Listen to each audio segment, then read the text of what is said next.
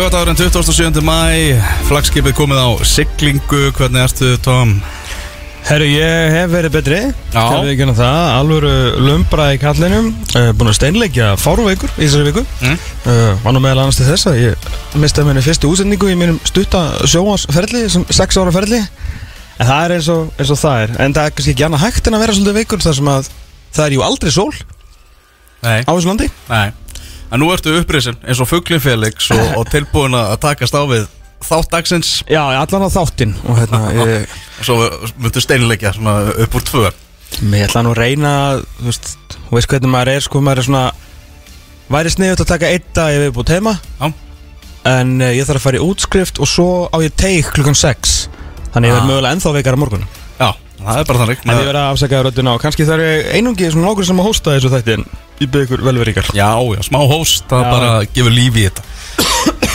Alltaf kom eitt. Hann kom eitt. Alltaf kom eitt, eitt mjög stert uh, Tvískiptu þáttur hjá okkur. Kristján Alli kemur í setni hlutan og þá ætlum við að taka síðasta fjórhúsuppgjörið í ennska boltanum. Og það er bara lið ásins og allur bakina velunarvendingar lokaðum fyrir að sjálfsögðu á morgun. Eh, ná, nánast allt ráði nema hvaða tvö lið falla með Southampton og það eru náttúrulega Everton Leeds og Leicester sem eru í fallhættu. Og við ætlum að skoða það hérna á eftir en við ætlum að byrja á íslenska boltanum bestu deildinu og fikurum okkur síðan yfir í lengju deildina. Ég sjá það hérna. Það er skemmtilegt hérna að vara dettin á, á .net núna svona F-fáingar að peppa upp leikin F-HK á, á morgun á Kaplakrika velli. Mm -hmm. kartöflugörðunum heima eins og þú kallaðir þetta í engastinu daginn Já, sko, höfum það samt alveg á hreinu Að, uh, hérna Áður en að fólk vera að búa til einhvern megabandir á milli mínu og FH eh, Hérna, bíf allavega þess Já, að þá uh, sagði ég að FH hefði unnið stjórnuna á Káur í kartiblugarinu sem er sérst miðvangur. Já, en breytir því ekki að þetta er world class bandir hjá Já. Orra á X-inu og Freysa og fylgum hérna á, skemmtilegt. Uh, hérna á samfélagsmeila deild uh, og svona almenningstengsla deild uh, fimmleikafélag safnafjörðar Já, og kannski líka mikilvægt að sumir þarna í kriganum haldi svona upp í léttleikanum á meðan að uh, pappar vorir í, í bransanum Halldór sinnir eru sjáum það skrifa hér mastersreitgerir viku til viku Ja, þetta var skemmtileg vika. Ég var nú gerður að, að skúrkinum í þessu kjartas Henry máli hjá einhverjum F-fáingum í, í vikunni. Það, já, það er þetta mjög gaman að því. Já, eh, ég sann sko þú veist ég stend með þér í einu öllu Já. En þegar hann byrti screenshotið ég skild alveg það, nafnið þitt stóðu við fréttina. En hvað er að því að fjölmjölamæður ekki neitt, ekki neitt sko. ringi til að aðtuga það að þetta, að þetta mál sé komið, þú veist, Nei, bara- ég, meina sko nafngreiningin á þér persóni já. Ég- ég- sko, en sjálfsögur alltaf Ég, ég get alveg hann er- það, ég get alveg viðkjönd það, ég hef skrifað þó nokkra fréttir um þetta mál því að þetta var bara máli sem allir voru að tala um. Ég meina þetta er eitt stærsti prófillin í deildinni. Já, já, Og þetta var eina sem allir voru að tala um eftir umfyrirna já, En að sjálfsögðu. Það að sjálfsögðu, ég það- þetta var aðal málið og hérna Búin að taka úr bannið fyrir unnu leikin Áfrakak En mér finnst smáspes líka að finnast svona of mikið fjallað um málið en samt er þú veist félagið sjálft að senda frá sér fréttaðiðvilýsingar og hann er að mæti viðtöl út af málinu. Ég meina hvað gerist það annað heldur en að halda málinu gangandi og gera fleiri fréttir úr því sko. Einmitt, einmitt Þetta kortir sem hann tók hérna í, í Dótafútbol Það er bara flott hjá hann sko. Já, já, Skilur Já, þú veist, hann bara útskýrði þetta vel og Það er bara, þú veist, þetta, það, þetta tók tvær vikur að klárast. Það eru ekki alltaf sem að fréttamál ná að halda svona lengi gangandi. Já, já. Nei, nei, En ég vísa því algjörlega til föðurhúsan að ég hafi verið að reyna að Já, fá hann í það, bann. það, það var nú mikið. Ah, Það var klálega mikið sko. Talaði ekki við Klöru Bjartmanns í kringum þetta mál Það var fréttamaður hjá okkur sem ringdi til aðtöða hvort að þetta væri á borði aðanemdar Það var nú ekki flóknar en það En það er nú bara þannig, en FH er að fara að mæta HK og við munum skoða eftir svona hvaða leikir eru framundan í bestu tildin. En byrjum á því að skoða hins vegar leikina sem voru á 50dags kvöld á Kópavóks velli, byrjum þar. Þessum að Breiðablík vann val 1-0. Um leikin sjálfan er kannski ekkit mikið að segja. Stefán Ingi Sigurðarsson sko reyna markið á 49. mínúturu. Andrafn Jómann gerði hérna virkilega vel í aðdragandanum að því marki og það var segðan Jasson Daði sem átti stóðsendinguna og var, var þetta ekki bara svona mesti fögnuður blika bara síðan að herran Nettusmjör mætti á Kópavóksvellinu og þau fengu titilinn? Jú, ég, ég er mjög gaman að þessu Því að þetta hérna hörku, hörkuleikur uh, Vel tekist á Blikarnir uh, betri Annan svona Já, svona, mönnum deilir um hverju voru, be voru betra því þeir skoruðu náttúrulega, voru ekki 2-0 í fyrirleiknum. Hérna, Mjög ástu bara yfir í, í all flestu í þessum leik.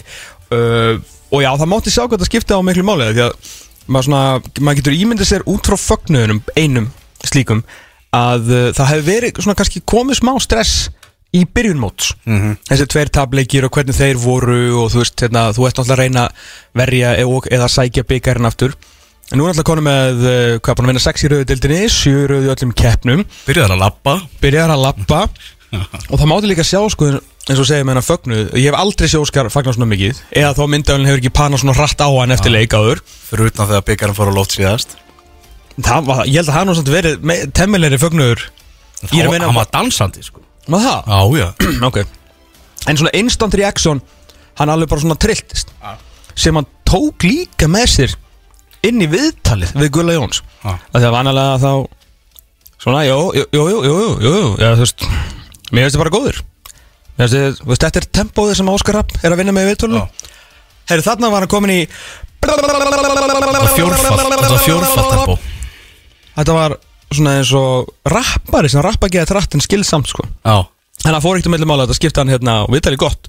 Já, já, þetta var bara einbyrðis leikur með því tveggja liða sem ætla sér titilinn. Já, halda hreinu ekki val í tveimur leikjum áruna sko, sumrið er hálnað. Það var stórt og þeir líka bara verðskuldu þetta.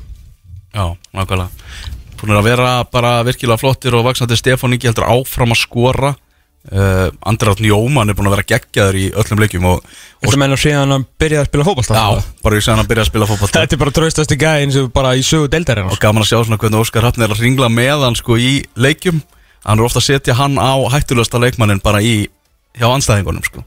Bara Andri Átni Jóman bara fyrir svo kamiljón bara um öllin Hann er bara, þú veist, eins og Andri Íko Dala í körfunni. Þú veist, hann er bara shut down defender. Þú bara velur, skilur, það skiptir einhver málið að hérna, hættulegasti leikmaðurinn er framverðin þá bara endar hann í miðverði. Hann er bara settur til að stoppa menn sem að skipta máli Já. og gera það alltaf bara betur heldur en flestir. Mm mikið stuð hjá, hjá blikunum sem að eh, Óli Jó talaði um það í, í tilþrjónum eftir leik að hann vonum finnst bara að stefna í tveggja hesta kapplöp um þennan titil millir blika og, og vikings Við sjáum það á mándaginn allavega þessir átta dagar hjá Val afskaplega erfiðir þar sem þeir tapa á móti grinda að gera jafntefla á móti Keflavík og tapa séðan á, á móti blikum. Og bara eitt mark, eitt sárapóta mark frá Tryggvar Harni Haraldsinni á þessum átta dögum. Emmitt, uh, voru sko keflaðið leikurinn er náttúrulega hann er happening, ég veit þið spörkuðu fótboltanum ekki markið þar en þeir fengu náttúrulega svo mikið að færum og ef og hefði og, og allir hérna, þeirra vinnir, þú veist, ef að Tryggvi hrafnaði ekki skotið í hotfónan úr marktegnum skilju, hvað hefði gæst, hefði þetta enda þá 6-0 og þau bara farið aftur á raun, maður veit það ekki. En þeir gerðu það ekki, við verðum að tala um það sem að gerðist en gerðist ekki. Og auðvitað, eins og segir, þessi 8 dagar alveg, alveg herfilegir. Og ef þeir tapa fyrir vikingi sunnið þetta að þá, þú veist, og blikarnir vinna sinnleika þá eru komin svolítið, komin svolítið eftir á sko. Já, þetta þarna svona smá ágefni líka bara menn eins og í þessum leik hvað áttu erfitt með að skapa sér færi? Alveg eins og í fyrirleiknum gegn breyðabliki þar sem að þeir, mér fannst þeir flottir tegi tegi í þeim leik og það var barata í þeim og svona fínt spil en á síðasta þriðangi gerðu þeir bara andskotan ekki neitt. Og það var eiginlega svipað á tenninum og það var bara var ekki þeirra Hólmar Örn ég held nú að hann veri rángstæður hérna í, í þessu færi þegar hann einhvern veginn boltinn kemur út úr teiknum og, og lofta aftur inn á hann og hann þarf að taka hann á kassan og snúa við og hefði geta verið þú veist, flottasta mark ásins en Já. var rángstöður en annars var afskaplega lítið af réttið höfum með við svona sóknar slagkraftin hérna fram á við. Og, og þetta getur náttúrulega verið einhver uh, ef þú ert með leikmann á einhverju kalibri eins og Andra Bjómann sem að fálið hafa. En ef þú nærða að slökka í AP þú veist Adam Páls er þetta valslið þá bara steingelt eða? Það er góð spurning. Er hann bara orðin strax bara algjör leikil hlekkur í þessu? En ég er saman því, það er allt og snemt að vera eitthvað að flauta valsmenn Já, já, baráttunni ekki, ekki með þetta liðmar og eina sem þið þurfa að hugsa um er þessi deild. Þeir eru ekki með í neinu öðru. Nákvæmlega, ekki þannig, þeir geta bara undirbúið hvert leik eins og hann sé þeirra síðast í það er bara vika á milli leikja. Þannig að ég, hérna uh, Já, ég hef ekki, hef nú engar ákjör af þeim svona so far, sko en það var Aroni Kitty gerði nú ekki mikið þegar hann verið nánast, nánast unplayable síðustu vikur. Já. En það er náttúrulega líka bara, þú spilar ekkert betur en anstæðingur leifir og, og, og blika líka halda áfram bara alltaf spila betur og betur. Mhm. Og hérna, hvað framist að hjá þeim sagði ég bara verið þeirra besta núna? Það var það eitthvað með eitthvað annar lið. Að þeir áttu hérna ég vant að geðveikir á móti Káa Káa áttu hann ekki séns en tölum kom kannski að Káa eftir getur hann ekki mikið þess að dana uh, og líka flottir í erfuðum aðstæðum móti Káar það var líka algjör svona karakter í þeim þar Mhm. og þeir geta bara, þú veist, eru ég sagði líka eftir Káleikin að þeir eru komni með þetta og synd okkur það líka á síðast tímbili að þeir geta unni leiki á þess að hérna að vera, þú veist, með eitthvað dominera, þú veist, ég veit, ég, þá er ég að menna, þú veist, eitthvað 70% með boltan og 70 færi, sko, þeir eru líka konum með þetta í vopnabúrið að, að geta svolítið bara grændað út og tækla og þeir eru bara fastir í þessum leik, sko. Mm Mhm. -hmm. Það farið aftan í Aron Jó alveg nokkru sinnum, hann stimplaður og, þú veist, Oliver, Oliver Sigur Jónsson, hann hann út um allt eins og skítakamar alveg frábær. Þannig að þeir eru voru bara, þetta var mjög impressivt hjá blikunum, sko. Og síðan alltaf með svona sem að, hérna, sem að getur skorað, þráttur að, Stefán kannski var ekkert mikið inn í leiknum. Og þannig, en það sem hann á að gera hann er bara mættur og fjær. Mhm. uh, næstuð í superstjörnu tækling hann að, mann ekki hverja var sem að var þetta Holmar eða, eða Hlinur hann næra að tækla boltan en hann fyrir svona undir hann. Mhm. en þá líka hjá Stefáni að því boltin sko breytir algjörlega um svona tempo þegar hann er að koma til þess. Hann sé bara fastan bolta fyrir, hann er klár svo fer allur kraftur úr sendingunni þegar tæklingin á valsmanninu kemur en samt nær hann að halda jafnvægi og, og skora sko. þetta er það sem að svona alvöru svona finnir sér að gera, það var vel gett hjá hann Algjörlega, Stefán ekki kom með sjömörk í bestu dildinni, er marka hæstur. Örvar Eggertsson, Gísli Eyjóls og Adam Páls er með fimmörk þar á, þar á eftir. Mm -hmm. Herðu, förum, við- förum norður á Akureyri þar sem að eh, já, vikingar eh, tóku sér bara til og, og stútuðu káamenn annan heimalikin í röð, það eru káamenn að tapa 0-4, er búin að vera að mæta núna sterkustu liður landsins og samtal sem markatala 0-10 hjá þeim í, í gegnum þessa leiki, kannski áður við fyrir maður leiknum sjálfum, fyrst að það er nú þessi herrferð í gangi á KSI og svona takk dómarar og, og, og allt það, sterk sterk herrferð Þetta er stert Erlendur Eriksson, Wow, hann bendi hennar leik bara ha? upp á 10 Vá, hvað hann var góður í þessu leikmaður Þetta var sko, þetta var vintage Elli Leifðu þess að ganga Horfði ekki á menn þegar ég byrjaði að tuða Og var nú nóg að tuði. Rodri eitthvað færi andlitið á Pablo Stíði hann bara í sundur áfram gakk Bara áfram með leikin, áfram með leikin, áfram með leikin, áfram með leikin Ólíkt því sem að gera sérni í kópáðinum að sem að Jóhann var í miklu brasi Með að halda förstum leik gangandi. Uh, Hérna, en þú veist Bara allt í lagi, eitt leikur alltaf En málararmistarinn var að geggja í þessum leik. Er hann ekki svo dómari sem er búin að vera besti dómar Íslands hvað leng, ef við horfum í- bara í lengt tímabila og, og allt það sem hefur gefur okkur bestu dómgæsluna í hvað la- lengstan tíma? Þú þá meina af þeim sem eru ennþá starfandi? Nei, bara yfir höfuð. Já, myndu að taka Gussa Jalla út af því hann var bara átt Já, ég er bara að tala um bara öll, allur dómara fyrir Lella Eiríks. Jó, jó, ég held að hann er svona Hann er búin að eiga flest góð tímabil af dómurum Íslands. Já, já og, ég, og, búin að vera frábær ég, er bara að leita eitthvað nafni En jú, hann er búin að gefa okkur svo Síðustu tvö ár hjá alla hafa verið bras. Þó að við tölum ekki um það því að hann, við náttúrulega erum miklu aðdáðundur svona smá niðursveifla. Já, en náttúrulega hann er líka orðin eldri maður og hann stundum í brasi með formi og svona. Nú svirðist hann bara verið í standi og hann er komin aftur í þennan sko bara spjalda og horfi ekki eins og á mannin og hann, hann er aldrei að bjóða upp inn í dans. Hann var virkilega flottur næli Já, gott flæði í þessum leik og, og vikingar nýttu sér það vel uh, Mattias Vilhjálmsson með tvö fyrstu mörkin sín fyrir viking í, í, í bestu deldinni uh, Bytti, Birnisnar Ingarsson heldur bara áfram Ari Sigurpálsson, hann er mættur aftur hann er byrjaðar að skora. -hmm. þannig að það er alltaf tikka það er allir að koma með eitthvað að borðinu. Uh, Gunnar Vatnamar senda mér nú klippu hann það sem að hann breytist bara hreinlega í pele. Já, hann tók hérna, ég veit samt ekki hvort að telli alveg þegar út að að sóla hennan hérna Ingimar Stöle því að hann var svo lélugur í þessu leik að ég hef bara aldrei séð hann aðeins Ég held að þetta sé lélegast að framist að einstaks leikmanns á þessu tímabili Já, hann var alveg umurlegur eins og í markinu hjá, hjá Bytta Já. Binna, Bolta að hérna þú veist, þetta er alveg fínasta hraðbreyting sko, en sko, Binni átti svona átt að gýra eftir, hann bara þurfti bara að nota þrjá af því að hérna stöðli var bara hlutlisum sko. mm -hmm. Já, hérna, yfirbörnir bara algjörir og vingarnir ekki einu svona það góður í fyrirháleik verður að segjast, en samt sem að er betið heldur en káa. Svo ég setni áleik þá náttúrulega byrjaði þessar djöfis þessar varnadrillur aftur og menn bökkuðu niður. Þetta getur alveg gert mann vittlu svona að sjá þetta en hérna, sem stuðnismann þar að segja vera að bjóða upp ykkur dans en ká menn önduðu ekki að markinu og svo fóru við bara í, í hérna í skyndisókninnar og, og svo þegar einmitt þegar Djurits og Ari kom inn á maður bara jæja strákur, bara guðu verið með ykkur. Mhm. og ég held að Ari hafi gefið sem verið rángstæðar þegar hann slappaði í gegn og Helgi Guðjón skýtur fram hjá fyrir opnu marki þannig að þetta getið verið ljótara Já. Menna, markvarslan hörmuleg hjá, hjá Káa, varnarleikurinn mjög vondur, ekkert að frétta sóknarlega. Ég get ekki tekið eitt jákvæðan punkt út úr, úr káaleginu Því miður Svo bara þó ég myndi óska þess Ekki einu sinni minn upp á þess leikmaður til lengri tíma, lengri tíma Grimsi Meina hann Stjújú, bara Alltaf flottar hefingar þeir, þeir voru alveg hróttalega slækir í þessu leik sko. Þeir eiga, eins og við erum búin að sjá Eiga er ekkert í vikingbreyðablíku val Nei. Þessi tvö skrifa sem ég talaði um, um hérna fyrir síðustu viku Þau Ég sá svona, sá og sá ekki eftir þeim hvort þetta hefði verið svona of fast orðið kveðið en svo horfði ég á hann leik og bara, jú, ég held ég að við nú nelt þetta Já. Þeir eru langt í frá að vera samanlið og síðasta litið vondur gluggi hjá þeim, sjálfströsti lítur að vera ansið neðarlega líka, ofan á allt annað. Já, ekki, ekki spurning og Arna Gunnlaug sagði það nú bara í hérna, viðtalinu eftir leik að því honum fannst vikingandir ekki góðir en samt sem áður, sjálfströsti þeim, ekkit sjálfströst hinnum megin og, uh, og líka þú talar um hann að glugga. Já, því uh, það er að segja félagskipta glugga núna. Sko, Ingemar Stöðle er uh, var allan lélugur þessum leik og hefur lítið gert fyrir okkur. Pætur er búin að fá eitt færi á markteg og skutt framhjá uh, Ég veit ekki um hennar Kristoff Pólsen hérna Halli Villar kennst ekki í liðið og, og Birgir Balduns búin að vera eitthvað mittur þannig að þeir hafa sko styrkingin þeirra er afskaplega lítil og mistu þetta besta leikmann deildarinnar út. Já, þú veist, sem var Kvosin bestur að kannski flestum finnist dagur Dan hefur verið bestur að þá var hann nökkvið sem er reigning MVP Mm þannig að þetta er þetta lítur ekki vel út hjá þeim og káamenn eru bara þeir eru bara að berjast um núna bara endi í eurulöðan eins og staðan akkurat núna sko. Þeir eru á leiðin í Evrópu fyrir hönd Íslands, þeir þurfa að vera miklu betra þetta ef að ef þeir ætla bara að halda að heiðir okkar uppi hérna, sko. Ég meina þeir eru með 11 stig þeir eru með færri stig heldur en HK og FH og liði sem að þetta er silfurlega síðast ás með mínus 5 í markatölu.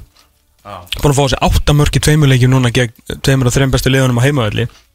Þeir þurfa að finna út úr þessu og það strax, það er ennþá langt í gluggan þeir get ekki fara hérna, að fylla í einhverja eður og, og fá sér einhverja leikmenn. Þeir þurfa heldur betur að fara að rífa sig í gang þetta er bara, þeir eru bara, þeir eru passífir þeir eru hægari, þeir eru minna aggressífari, þeir eru hræðilegi fram á við, þeir eru bara í alvöru brasi Já. Það er verkefni fyrir, uh, já, frekar óreinda þjálfara liðsins, Hallgrím Jónasson. algjörlega og svo er einmitt með þjálfara sem er algjörlega óreitur þá hann er náttúrulega langan og farsalan feril að bæki og eflust upplega tíman að tvenna að þá vissum við alveg fyrir tímabila að munurinn á Arnari Gretasinni og nýjum þjálfara, hvað sem það sé hattið ykkur annar en alltaf gríðalegu sko. Fyrst og fremst sem hann heldur um stýrið. Það er vingandi flottir Já, flottir, það er bara að halda áfram fullt hús hjá þeim. Mhm. Alveg, og maður að það eru fleiri, og fleiri rattir farnar að hafa ágjörð því að uh, vikingarnir gera þetta mót óspennandi.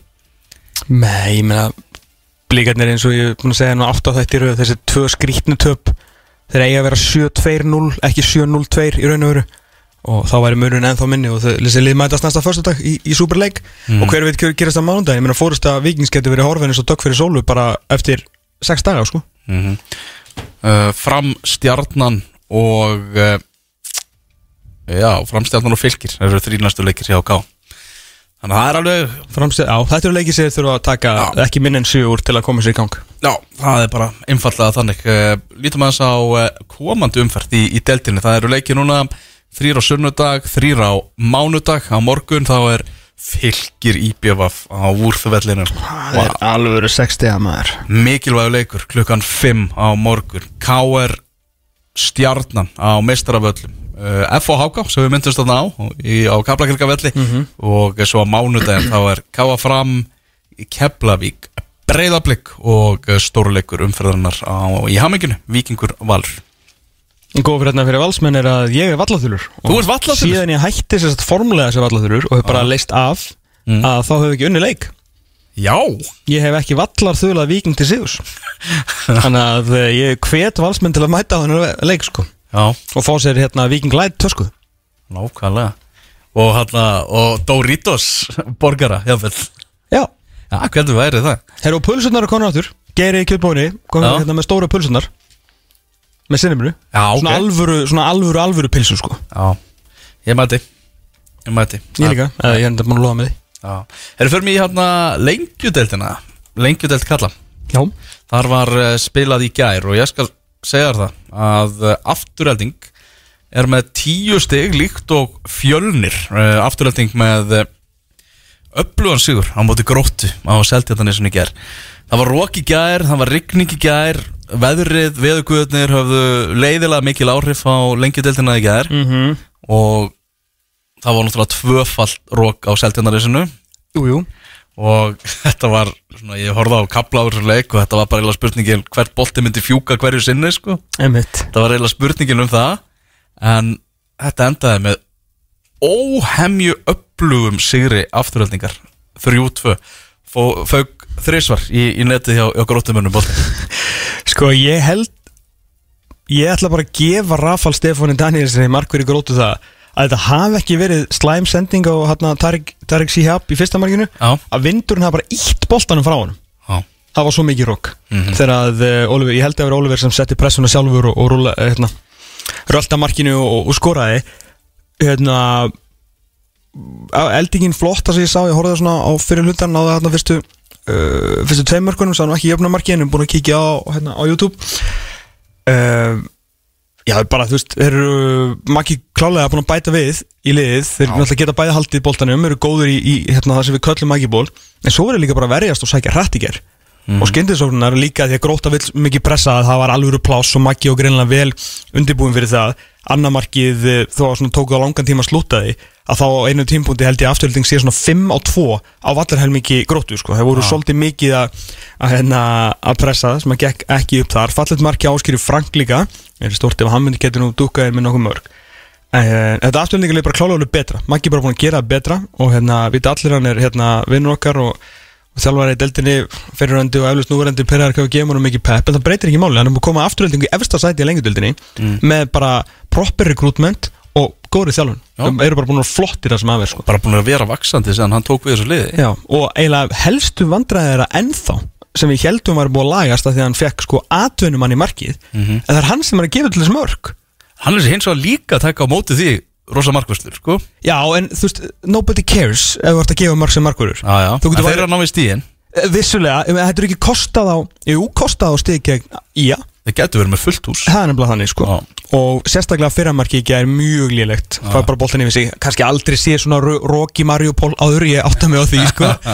En hérna En að komast í gegnum þá skora, það eru bara flottur Og ég veit ekki hvort ég er ofmeti Ég veit ekki hvort að vikingarnir hafa bara verið einhverjum bakkir á móti gróttunni. Ég, Því að mér langar ekki að taka þetta tilbaka sem ég sagði Þegar ég var mjög hrifin af þar. Já. En það sem er að gera í lengjunni er bara Ég veit ekki hvort, en, hvort það Þetta eru- fóru bara einhvern veginn í sjötta gýrna Því að voru að spila móti besta liðin á landinu at the time En þeir eru bara að leka mörgum og ekki ennþá búin að vinna leik Nei, eftir ég fjóru er bara umferðir. svolítið óanæg með þá. Já, skiljaðlega, ég held að stuðnins með gróttu séu mjög svektir því að þeir voru svo lofandi á undirbúinustímabilinu voru hann á flottum úslitum Já, og þéttir og hérna Ég auðvist eftir því að að Pétur myndi fara að skora Svo getur fara að vinna leiki, hann skora En þá fá þessi þrjú.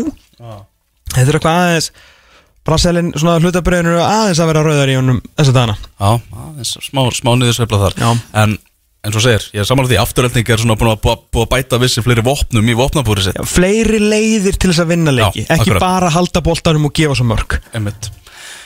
Uh, Við tölum um það í síðasta þætti að afturölding fjölnir og grindavík verðast vera þrjú bestu liðin í, í deildinni. Mm -hmm. Fjölnismenn tóku sér til í Egilsvöllin í gær fór allir stundum með fjölnis í, út. í keilu á undan og fínt að voru inn í gær.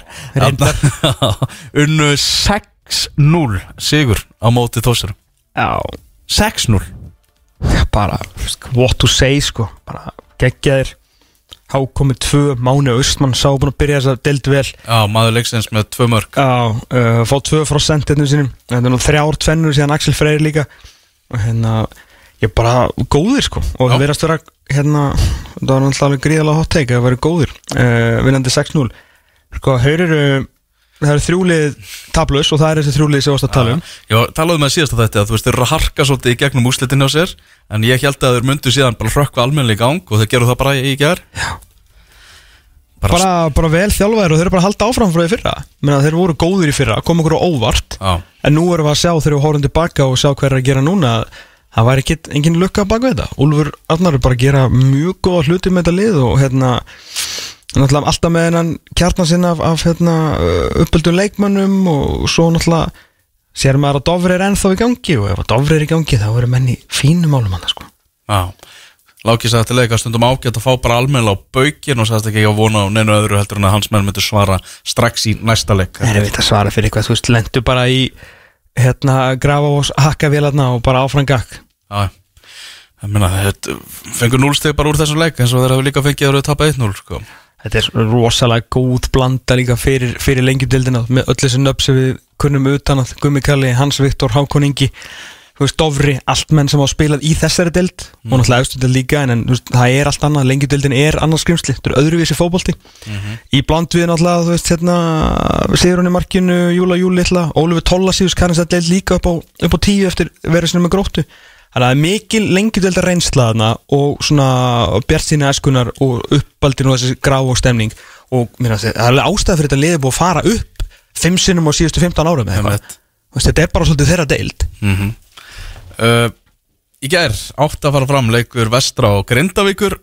Honum var uh, frestað vegna vallaraðstæðna, völlurinn svona hálpartin sundlaug Já. og uh, Ekki kannski besti dagur sama sam? Nei, leikurinn verður eftir hálftíma, hann verður klukkan eitt Klukkan eitt. á, á Ísafirði en gaman að því að sko Grindavík er komið þarna stinningskalda er Vaknaðar og ný Vaknar og ný, það komið Enda ný, ný, stinningskaldi. nýr stinningskaldi Já. Þetta er stinningskaldi 2.0 Er þetta ekki 3,0? Það er kallað sér stinningskaldi 2.0 Er það- er svoleiðis? Já, Ok. það er bara þannig Ok, ok. Ég var að mynda að skoða á Instagram áðan Þannig að ég fekk veður af því vel við hæfa orðaða þannig.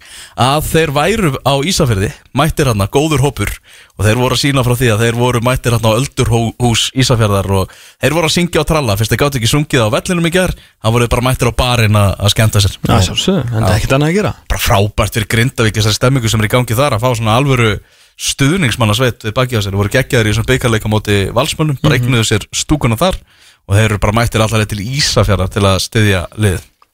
Svo má alltaf ekki gleyma því að, já, talandi um minna leik að náttúrulega vestrið þarf að vinna þeir eru í fallsæti ekki að þú búin að vinna leik og fá reyndar, þú veist, eitt af bestu liðum deildarinnar. Grindaði hvað þá ættir að fá þessi mark, sko. Já, Þeir eru með hérna stórmerkilegu markatölu 3-0 3-0 eftir þrjá leiki.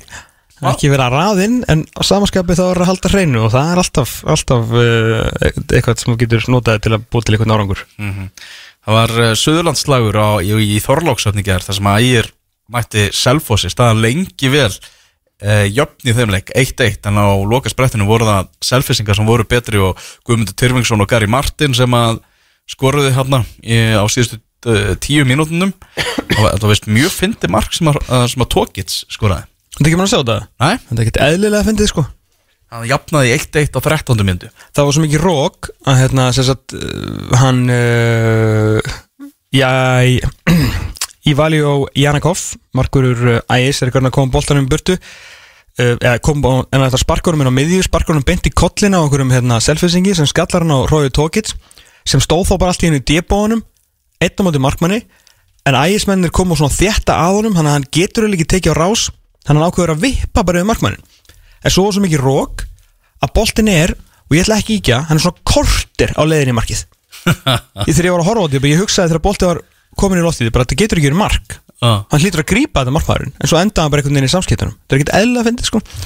Uh, ægismenn eins og þeir hafa byrjað þetta vel að mörki sig að fá þessu leik hróttalegur varnarleikur. Já, þeir eru sko, þeir eru konum eitt steg og þeir eru að veita öllum keppni og allt það.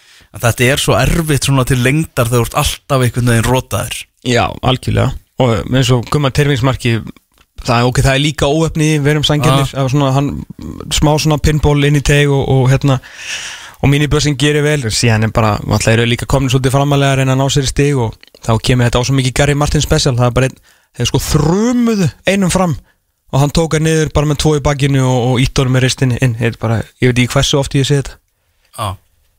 En mikilvægt fyrir selfisinga að ná þessu sigri og líka svona eftir kjánaskapin hjá þeim á síðasta tímabilið eru að missa manna, menna velli bara fyrir algjöra heimsku. Já, algjöra.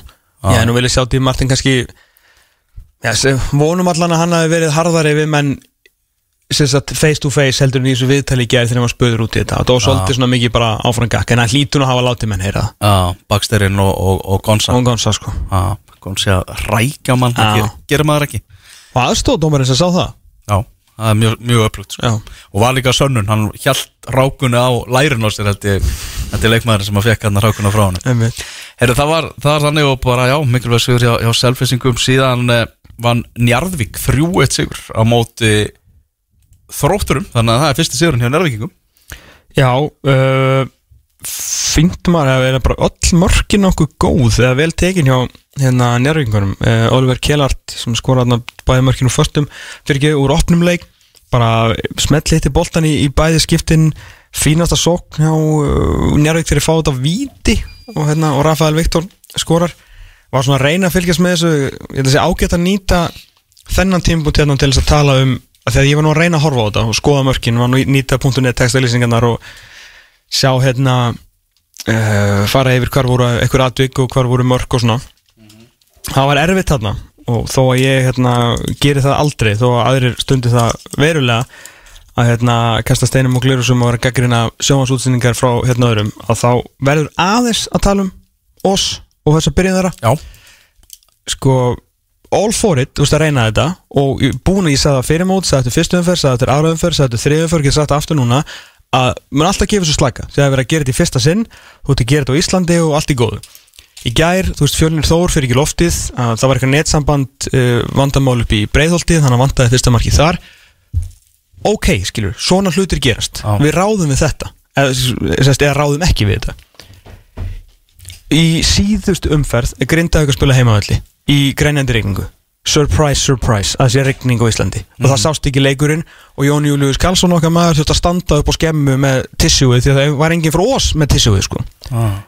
Njarvík þróttur sást ekkert í ger mm þetta var eins og verður hérna í kafi að horfa á eitthvað. Og veist ekki alveg hvort það sé þú veist pappið þinn eða hinn pappin í laugin á Tenerife og svo faðmar ranga pappa og þetta verður allt mjög óþægilegt sko. það var það sem var að gerast í Njarvík þróttur í ger það bara sást ekki neitt. Ah. og það þýðir ekki fyrir að því að sko nú er, þú mátt ekki gera sömu mistökin alltaf skipti þetta, skipti þetta, skipti. Við verðum að laga hlutina eftir því sem á líður, þannig verður þetta betra. Og það þýðir mjög lítið fyrir ósverja að setja eitthvað stærn í bíl að stýra myndavælinu með iPad þegar það sérst ekkit á myndavælinu sjálfri. Einmitt. þetta er ástæðan fyrir að það er erfitt að taka upp íþróttarleiki utan í Íslandi að það er rigning. Ah, já. og hún stendur aldrei niður hún stendur oftast beint í linsuna. Þú veist, uh, í fréttatilkynningu sem kom frá ITF í upphæði móts, það var að tala um það að veist, þið væri að þróa aðeins tæknina og allt það og það myndi verða betra og allt það, svona áhörðu getur fylst með því, það gæðin var að aukast í útsendingunum eftir því sem á mótiliði Já.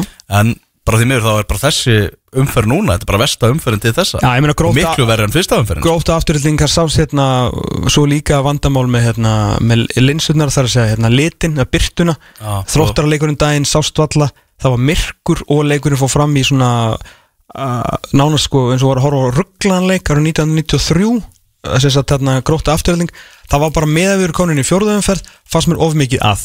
En aðalatriðið sem þarf að finna út strax af því að eins og ég segi gef alveg fullan slaka á teknimálum og hérna og vera að þróa myndaðulegnar og skiptingarnar og svona en þú verður ekki að sé leikinu fyrir rigningu. Já, það var erfitt að sjá þennan leik. Það verður bara að ráða official tissue kalla sko. Já, erfitt að sjá þennan leik Njárvík og, og þróttar í, í gæri en eins og ég segi, fyrstu sigur Njárvíkinga sem að skýtur þeim bara upp í sjötta sæti deildarinnar, bara rétt við umspilssætið og en uh, þróttarar með tveimur stegum minna, eru hérna með fjögur steg þannig að það verður svona frekar köplótt hjá þeim. Uh, í skýslunni á Sverri þá fær uh, Tvana Khalid Ahmed sem að er í Íraki fær átta í engun og hann er náttúrulega komin bara fastu núna bara eiginlega í hverja umferð í lengjutildinni og meðlilega, náttúrulega bara einn einna betri dómur á landsins sem er að standa sig með best í dag. Já, nákvæmlega var ekki hann sem rak selfessingan út af báða hár rétt? Jú, al algjörlega, algjörlega. Og hann hefur komið virkilega, virkilega öflugur inn í þetta. Og hann er náttúrulega saga, hans er náttúrulega mögnuð þar sem að hann er náttúrulega bara flótamaður og var í flótamannabúðu með Einmitt. tíma og kemur hérna til land sem flótamaður en nú er hann bara orðin bara svona einn áhugaverðasti dómarinn í íslenska boltanum í dag. Já, veitna, bara bestu dómarunum í bídildinni sem er hérna með reisastótt batteri í bídildinu í Íslandi þannig að bara vel gert við honum. Já, heyrðu þá er það eh, einn leikur eftir og hann fór, á, fór fram á gerfugrassinu hjá leikni í gerð Dómus Nóa gerfugrassinu þar sem að leikni tapaði fyrir Ía 2-3 enduðu leikar þar fyrsti sigur Skagamanna. Þannig að þetta var bara nöðsynlegu sigur fyrir Jón Þór og, og, og hans menn. Já, algjörlega og hérna fengu hann svona einhverju leiti á, á svona smá silfurfatti eins og leiknismenn hafa nú verið að spila upp á upp á síkastið Já, uh, Ég sá náttúrulega ekki, eins og ég var að segja, fyrsta markið. En uh, það sem að, hérna, var ekki komin upp útsendingin. En annað markið Svona alltaf skallin er fallegur hjá Viktor og sendingin er góð En sendingin átti aldrei að koma fyrir marki Það er Hjalti Sigur sem bara sofandi í vinstri bakgrunum Mikil vinstri bakar af vandamál hjá þínum mönnum. Mhm. Ósi Mettur Flóki litli búin að vera í Brasil Svo kemur Hjaltin með sína reynslu og hann leifir hann að kross. Já. Og síðan þriðja marki sem var náttúrulega líka uh, Þá Viktor Aftur. Já, Kemur út í eitthvað skóarlaup og indriði næra skallan að markinu og Jóhannes Valla af stöttu færi.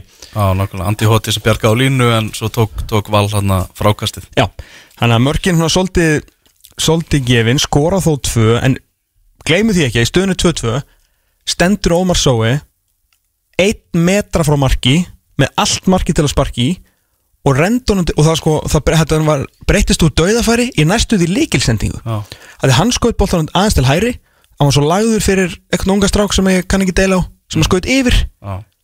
Það var Jón Rapp væntanlega. Jón Raffn, já. Já, hérna, en þetta var náttúrulega ótrúleitt og þetta er þetta ábráð að vera mark og þannig er staðan 2-2 mörgbreyta leikjum leiknir á heimavelli þú veist 2-2 og, og skilja nóg eftir. En það þýr ekki að gráta bjöð bóndið því. Menn boltin fór ekki inn og, og þetta var til þess að skaga menn hérna, komast í þrjú í staðan fyrir að staðan verið 2-2 já, já. Og bara fjóri tapleikir í raununa hjá leikni með þessum byggarleika móti Þór, tveir tapleikir móti Þór svo Já, Þór sem tapaði síðan 6-0 Þór sem tapaði þess 6-0 og, og það búið að einhvern veginn svona sama sagan finnst manni í gegnum þessa, þessa tapleiki. Menn svona tala um það veist, að, að leiknir hafi verið betra liðið í leikjunum en svo bara telur það ekki þetta er fá ekkert út úr leikjunum. Og ef þú ert að fá á því svona ódýrmörk í hverjum einasta leik stundur bara algjörar gjafir. Já, Eh, með þú veist það er eitt, það er ein til tvær gjafir í hverjum einasta leik á tímbilinu Já, og klúðra sig hann á móti því svona mörgum tækifærum hinum megin. Menn átt þá skilið að vinna leikina? Nei, þú veist, sama þrótt þú veist, þráttur þú sérst að sína einhver XG pappýra og eitthvað þannig en þú ert að gera þetta bara leik eftir leik eftir leik. Áttu bara ekki skilið að vinna? Nei, það er ekki, ekki, ekki flókið. Og bara einhvern veginn að reyna að klínu svo okkur óhefni finnst mér bara einhvern veginn ódýrt. Þá er bara, ert að stinga höfðun í sandin það, Já, já, það er svona mín kalda skoðun á þessu. Ómar Sói hefur náttúrulega kannski átt að vera með þrennu í þessum leikin menn hann skora tvö, sko, er- hvað getur þú beðið meira frá framverðinu en hann skori tvö? Það er rosalega erfitt að dæma að svo í þessum leik skora tvö en samt er hann að klúðra færum sem að þú veist á, á krúsjál punktum í leiknum sko. Emmitt, emmitt, emmitt Þú veist, annar marki hans var náttúrulega bara að flauta sárabótamar Já, vi- vissulega, hann en bara skoraði og flauta af sko. Já, emmitt, minga munni 2-3 gott mark samt Já, gott mark Það það verður ekki, ekki tekið á honum En alvöru léttir fyrir skamin en það kom mér á léttir. blað sko. Þetta var mikilvægt fyrir að skora þrjú og þeir hefði ekki viljað fara með 0 stig, neða, hver ekki, hvað voru með, með 2 stig ætla ég að segja, inn í næstu umferð því að þeir eru að taka múti besta leiði deildarinnar Já.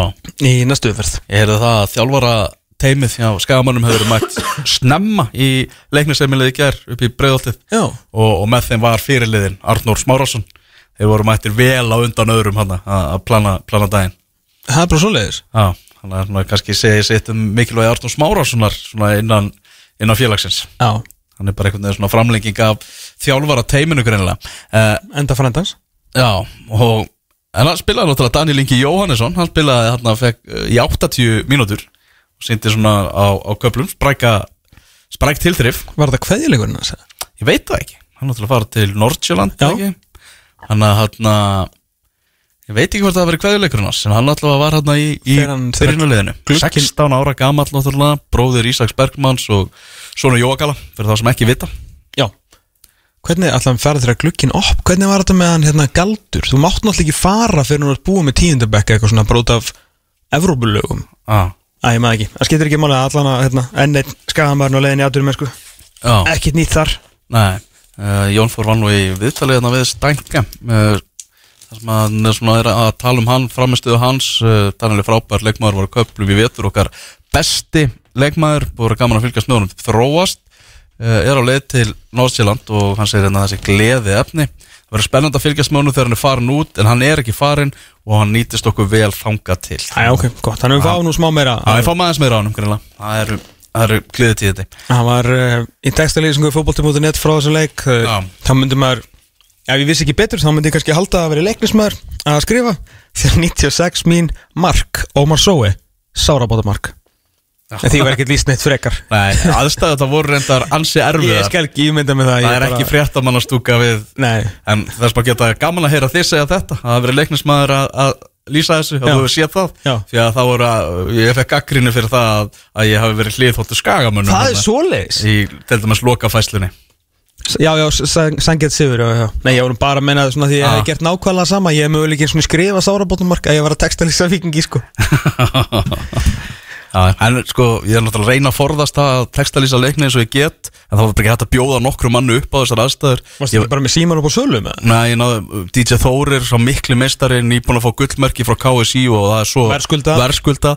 Hann var maður mætti með bílinn sinn hann við hliðalínuna Þannig að ég satt með honum inn í bíl Ok, að- textalýsa sig gegnum síman. Þannig að þetta var nokkuð kósi En ég passa mig á því að þeir ekki að taka afstöðu í neinu Þegar, gullspjald, já eða nei og eitthvað þannig sko Takk svona við og við þarf það svona að hendi Þetta er klárt víti.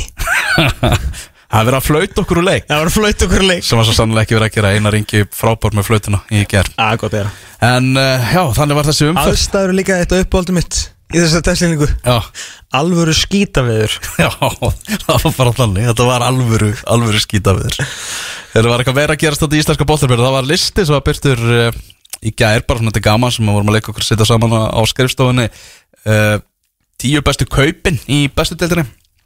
Og um, þar var settum við í tíundasæti Amat Faka Hérna sænska sírlendingin sem er búin að fara að vera flottur við hlinn og leifa andra í vörtinni á Háká uh, Ólafur Karl Finnsen og hjá fylki, bara vonir árbæðing að vera reynilega bara hanga á honum Já, ég, ég halda sér. Og munar um minna að hann sé hjá Rúnari Því að eins og ég sagði hérna í síðasta hætti að sá kann á hann. Já. Ég held að kunni betur á líkamann hans Óla kalla heldur en Óli kalli sjálfur sko. Já. Tveir valsmenn nummer 8 og 7 Andri Rúnar kom með fjögumörk og Kristinn Freyr Sigursson sem er náttúrulega bara flottur hjá, hjá valsmennum Arnur Sveit komin heim í breyðabliki og hann er ekki bara komin heim til að innan gesa lappa deyja og klára fyrirlin, hann er bara mættur hann til að láta til sin taka. Mm -hmm. Kjartan Henry í fymta sæti kom með, með fjögumörk fyrir, fyrir F-áinga uh, Hlyn, Hlynur Frey Karlsson í, í fjórða sem hefur svona kannski verið í starra hlutverki heldur hún að, já, bara allir byggust við. Það var hann sjálfur vantilega líka, náttúrulega meðsli í varnalínunni þannig að hann var bara strax settur í líkil ábyrð Algjörlega og hefur verið alveg frábær. Já, Matti Villa Númer þrjú. Uh, Margir sem settur spurningmerkin náttúrulega það þegar hann var sóttur á þessum aldri til, til vikinga mm -hmm. En uh, Arna Gunnarsson vissi nákvæmlega hvað hann var að sækja. Hann er svo mikill professional að Matti og líka að skiptir yngum máli hvort að sé að spila hérna frammi í fjóru, fjóru tveir eða á miðjunni með hérna Pablo að hérna ég satt nú með yfirmanni knarspinnumála að horfa á, á gróta vikingu gróta um daginn þegar þeir voru ekki inn á.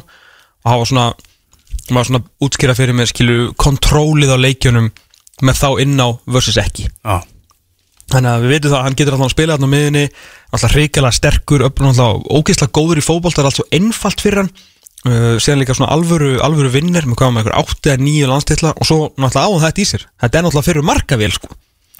Þannig að þetta er, hann er búin að vera mjög góður. Ég efast eins og margir en bara ég er tatt minn sko fegin sendi. Já. Adam Pálsson í öðru seti eins og við töluðum um bara strax orðin algjör líkileggur og bara veist vera mikilvægastur í sóknarleiknum hjá, hjá valsmönnum. Og uh, Gunnar Vatnamar færi einhverjum, er í efsta seti færi skil aðslismadurinn sem var keiftur sem svona hálfpartir neyðarkaup vegna meðsla Kæl Maklagan ekki tálpartinn, það voru bara neyðarkaup. Neyðarkaup, já, en það var skoðaður hins vegar vel. Jú, jú, jú, jú. Já, þetta var ekki bara eitthvað sama stumma hver hefði komið var, urða, voru það neyða að kaupa Já. þegar Kæl með, meðist þarna réttur í mót og vissi að uh, hann hérna yrði ekki með. Mhm. en því líkur því líkur fengur sko. Ég ætlaði nú að segja hérna síðust helgi en því er nú ekki að fara væliðu því eftir að Óli Jó bendi hann á þetta hérna á undan mér og, og maður þarf alltaf líka að passa sig hvernig maður segir þetta og hann gerir þetta nú vel að Óli þetta hrikalega leðilegt fyrir Kælma Klakkana að missa úr. Mhm. en það er samt staðirind að vikingslið er pff, svona þrefalt betra með Gunnar Vatnamarinn heldur en því að það getur þó spilað líka þennan fótbolta. Sá hvað Arnar var fljótur að breyta um leið og hann sá hvað hérna, Arnar og Sölvi hvað þeir voru fljótir að breyta og fara í þetta nýja skipulag þegar þeir sjá bara strax hversu góður í fótboltan er Mhm. að því hann getur bara verið út í vinstramegin komin á miðju, hann getur verið í miðverðinum og komið inn á miðju og hann er drulli góður í fótbolta sko. eins og þegar hann sást þegar breytt- þegar hann breyttist þarna í færiska peli í síðasta leik og fýblaði enginn maður stöðli Já. bara ótrúlega vinnusami gæi, góður í loftinu og helsti gallin við Kalma Klakan er þó hann sé sterkur og fljótur er að boltin náttúrulega hatar hann veist, hann, er, hann er svakalega dapur á boltan sem er mjög erfitt í þessu vikingsliði og síðan farið þau Gunnar Vatnamarinn og það bara breytist allt á einni, einu öðumræði Já. Það, er hann ekki bara að vera hjá Viking bara næstu fimm árin eða eitthvað? þryggjóra samning, er ekki sjens að við sleppum honum Nei, nákvæmlega Hann verður Ekki bara nema að komi nýtt sjókvíald í Klagsvík og þú veist, þeir bjóða okkur þú veist, 20 miljonir eða eitthvað annars er bara hvernig vatnamar nafn til þess að fylgjast með núna næstu árin í, í bestu. Einmitt, hefur hamrað sig inn í bestu deildina af miklum krafti, Gunnar Vatnamar uh, Þetta var íslenski boltinn að taka okkur smá hlés og dróðu fram enska ringborði það er síðasta uppgjöri, það er lið ásins og allur pakkin, lokaumferðin er á morgun og Kristján Alli er mættur í hús. Það er þið eru að hlusta á útastættin fókbalti.net hér á X977 og við drögum hérna fram enska ringborði, það er fjórða og síðastar uh, fjórðungsuppgjörið, eða Kristján Alli, þeim ættur hérna að velja uh, lið ásins uh, velkomin Kristján. Já, takk. Ah, ég ætla nú ekki að hekki þessum sliða svona er þetta bara. Heyrðu þarna, við ætlum að fara yfir þetta allt saman. Bara ekki mikil spenna í uh, loka umferðinni fyrir utan fallbaróttuna Já, Þannig er staðan, við ætlum eins og að byrja á topnum Við ætlum að byrja bara tökum að setja smá titil baráttuna Það sem að það, það gerðist sem að flestir ef ekki allir asnastuðnismenn bara óttuðust að myndi gerast. Þeir duttu í smá kabla það sem þeir voru ekki að ná inn úslitunum á sama tíma þá vann mannsætti sitt í alla fótboltaleiki sem er gátt unnið og, og rúmlega. Já uh, Við náttúrulega byrjum bara á því að óska öllum stundumsmönnum Manchester City til hamingi með titilinn. Og, og hreinlega bara til hamingi með þetta fótballtalið Þetta er ég, var, ég fór að hugsa þetta þegar ég horfði á slátra real eins og það væri ekkert sko. Einmitt hvort þetta væri sennilega bara hvort við erum komnir þangað að þetta sé bara besta félagslið sem við höfum séð. Ég, þú veist, eftir að bættu Hóland við sem var svona síðustu 2-3 árin var svona Hóland sem vantaði eftir að Aguero fór hans að tala að, að vera með þessa heimsklassa nýju sem að öll góð lið þurfa að hafa. En hérna, þú veist, ég bara ég held það sko, það er kannski bara hitt liðans Guardiola, Barcelona liði kringum 2010 þegar David Villa var að spila með, með þeim hana, sem, að, sem að keppir við þetta lið svona sem mest dominirandi félagslið sem maður hefur séð. Þannig að bara til hef ekki sitt í menn en Tveir úrslitaleikur til að framöndan, mæta Manchester United í úrslitaleika Já. FA Cup eftir viku og svo er það bara Inter vikuna þar og eftir í Er að að taka þessi, klubbur er náttúrulega bara þar að þeir fagnaði að vinna titilinn en það er svolítið svona business as usual. Þetta er fymta sinn á síðustu sex árum. Já. og þú veist, þeir eru ekki þeir eru, það er óráðið hvernig sagan verður skrifið um þetta tímpil þó svo ég sé að mæra á hérna núna hversu frábærir þeir eru að þú veist, þeir eru á barmið þess að gera eitthvað sögulegt. Og, þannig að þú veist, það er bara nóg framöndan og, og lítur að ríkja spenna í herbúðum sitt í Nú fer á loft, það hlýtur að vera það. Ég held það Ég, bara, ég held að Inter fari ekki yfir miðju í þessum leik sko. ég, held að það sé bara aðlega Þetta. Verður bara sama og við sáum út í Real Madrid sko. Ég held líka sko Guardiola er búin að býða svo lengi eftir þessu eftir að hann fóð frá Barcelona. Og þetta, þú veist, eins og við höfum talað um að það er alltaf skotið á hann að hérna, hann geti unnið þetta án Messi og hann, nú er hann komið Holland og hann var hann fyrir tveimur árum og hann í rauninu klúðraði þeim leik Það var, já, það, ég fer ekki ofan að því. Hann ofhugsaði þann leik og fór að reyna að gera einhverja breytingar og krúsidúlur í liðsuppstillingu og taktík til að koma túkel og óvart. Og hann fekk það bara í andlitin Já.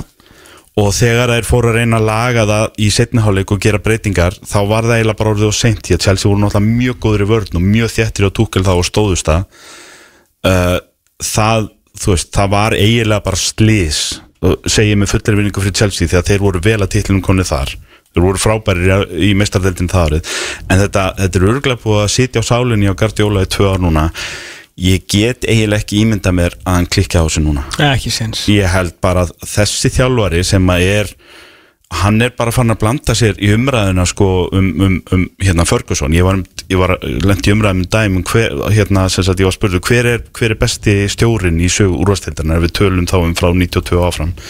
Og náttúrulega er Sir Alex Ferguson en ef að Pep er hérna í 8 ári viðbútt eða 10 ári viðbútt og ætlar að vinna aðra 5 á næstu 6 og eitthvað svona sko og vinnur núna þrennuna og eitthvað svona hann er bara komin í þessu umræð skil. þetta er bara eins og með LeBron James það trúði enginn að það geti enginn að það geti eitthvað skorað Michael Jordan og Holm í umræðinu um körbóltamenn en hann er bara búin að búa til umræðu og Pep er bara á leiðinu þangað með þessari með þessum yfirbörum síðustu árin og ef þetta heldur áfram uh, þá er hann bara í þessari umræðu sko. ég myndi segja náttúrulega Sir Alex nr. 1 Pep 2 uh, Klopp 3 Wenger 4 Wenger 3 Klopp 4 fyrir mér Hvernig, hvernig kloppi vengar ég er, ég er að segja það að því að Klopp uh, vann Evrópu sem að Wenger náði ekki.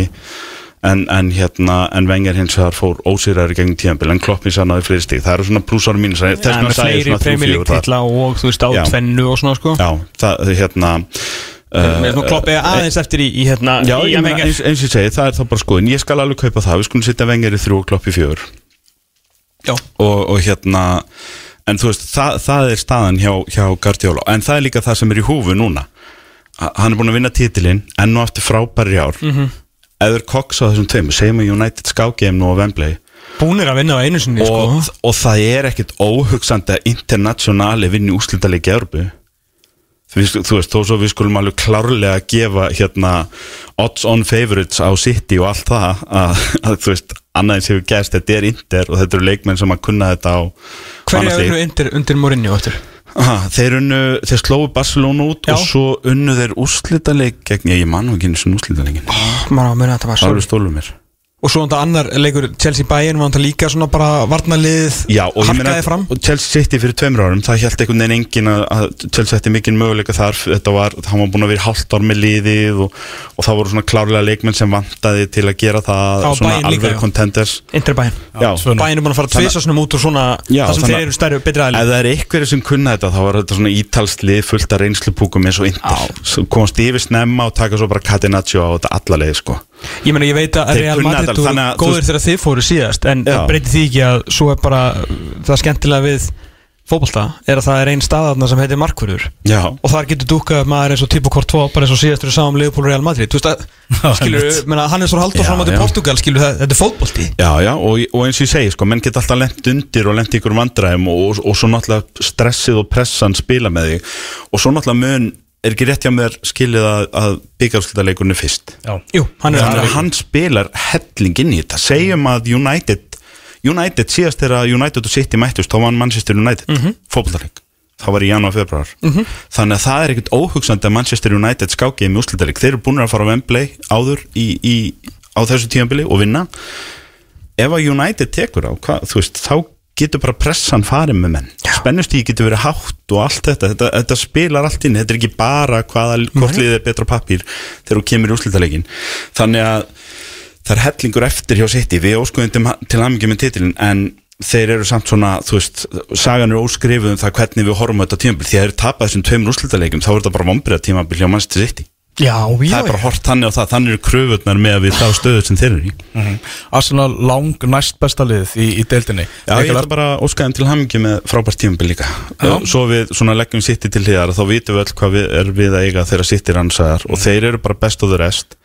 Meðalveg byrja á höfuð hátt þó svo það sengi byggar í búið fyrir það. Mikilvægt þetta svona að þegar byrjaðar að vara við því að næsta tímabil verði segjum þeir endi í 84 stöðu núna ég bara með við hvað maður heldur að United gerir hvað maður heldur að Newcastle gerir hvað maður veit að Liverpool er að fara að gera því að nú strax svona náttúrulega klár þar verðist vera. Uh, það kæmur ekkert óvart ef Arsenal er þið fjæri svo heldur en í ár sko að þetta hefur verið glukkin þó ég hafa alveg tröll að trú á Arteta og Ég- ég... flest kaupið eru að ganga upp og svona. Ég er svo sem ætla ekki endilega að horfa á hinliðin og hvað þau gera þegar kemur Arsenal. Ég myndi segja fyrir Arsenal ekki hafa ágjör hinuliðinum þau gerir ráð fyrir að þau verði flest betri. Chelsea er aldrei að fara að eiga þetta tímabla aftur. Nei, nei. Tottenham er sennilega ekki að fara að eiga þetta tímabla aftur. En það er kannski eina lið sem ég myndi svona helst setja spurningamerki við Sammála. hvað er verða lengi að standa aftur á fætur. Sérstaklega á Kane fer. Já og Kane fer og að þeim ráða- gengur ítla að ráða þjálfara og annað sko. Endar bara aftur á Nuno eða eitthvað. Hérna, já, hérna ég myndi bara segja við Arsenal sko, ef, ef ég væri art þetta, ég er svo sem er ekki art þetta og, og þeir eru mjög fegnir að ég er ekki art þetta en ef ég væri hann og þykist vita eitthvað um þetta, þá myndi ég bara setja núna 84 stig. Ég myndi bara taka tella á svo þetta, ég myndi prenta það á prentaranum á gulan pappir og setja fyrir ofan hurðina hjá skrifstofu þjálfurans og segja bara 84 stig, það er, við ætlum að toppa það næst ári ef að það skilur okkur í þriðasæti en ekki annarsæti, so be it. So be it. Skil ef að það er eitthvað tvöli sem fari yfir 90 stig og við förum í 90, 89 við ætlum bara að fara yfir þessi 84 stig. Og hann hlýtur að, hann hlýtur að vera skipulegja sig ekki út frá því hvað Manchester United eða Liverpool er að fara að gera heldur hvað ætlum við að gera. Og við sjáum það með að við umræðuna hann virðist strax alltaf spýta í hann alltaf greinilega að taka hans til á miðin hjá sér. Og það sem Arsenal vantar er náttúrulega svo sem það sem við höfum talað svolítið um í allan vetur og kom svolítið á daginn þegar þeir mist úr vörninni. Við heldum að Gabriel Jesus uh, brottkvarfið vegna meðsla er því kannski stærra mál en það var. En þeim tókst á frábæran hátt að svona kófera það og steila mörkunum á milli sín og annars líkt þannig að það, þeir söknuð hans ekki eins mikið við heldum og voru ennþá á toppnið þegar hann kom tilbaka. En svo hurfu miðverðinir og þá er þetta bara búið skilur og það, það er stór hlut menn eru mikið að tala um hvort að þeir hafi veist, hérna klúra þessu hvort þeir hafi farið á taugum og allt þetta, auðvitað spilað það allt inn þetta er ungli sem voru spilað undir þessari pressu í fyrsta sinn og, og þegar að menn gerðu tvö jafntefli röð þá fóru þetta svolítið á hliðina. En þe- þessi jafntefli, þú veist, sigrarnir hætt að koma líka því að þeir fóru að gera það sem að mörgunulegi kannast við að þeir fóru að gefa alltaf eitt og tvö mörki fórgjöf að því að þeir voru ekki með stöðuleikan í vörninni. Þegar að Saliba var farin frá og svo Gabriel farin frá þeir alltaf farin að spila leiki með Rob Holding og eitthvað svona sko.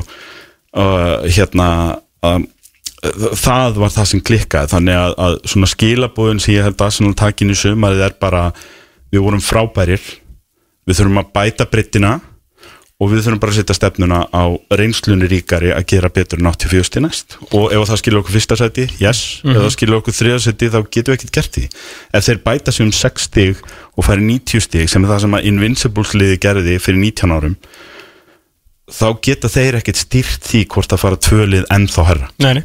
Eða eitt lið, skilur þú mátt nánast gera ráð fyrir að sitt í fari herra það er bara raunveruleikin í þessu og, og það eru 90% líkur á því í dag að sitt í vinni titluna næsta ári því að þannig er það lið byggt upp. Þannig að Arsenal eru ekki að þú veist, þeir náttúrulega vilja örgulega setja pressuna og svo segja við ætlum að taka titilin næst. Reynslunir ríkar og allt það en þeir eru bara að horfa á þessu 84 stig og segja bara við ætlum að gera betur.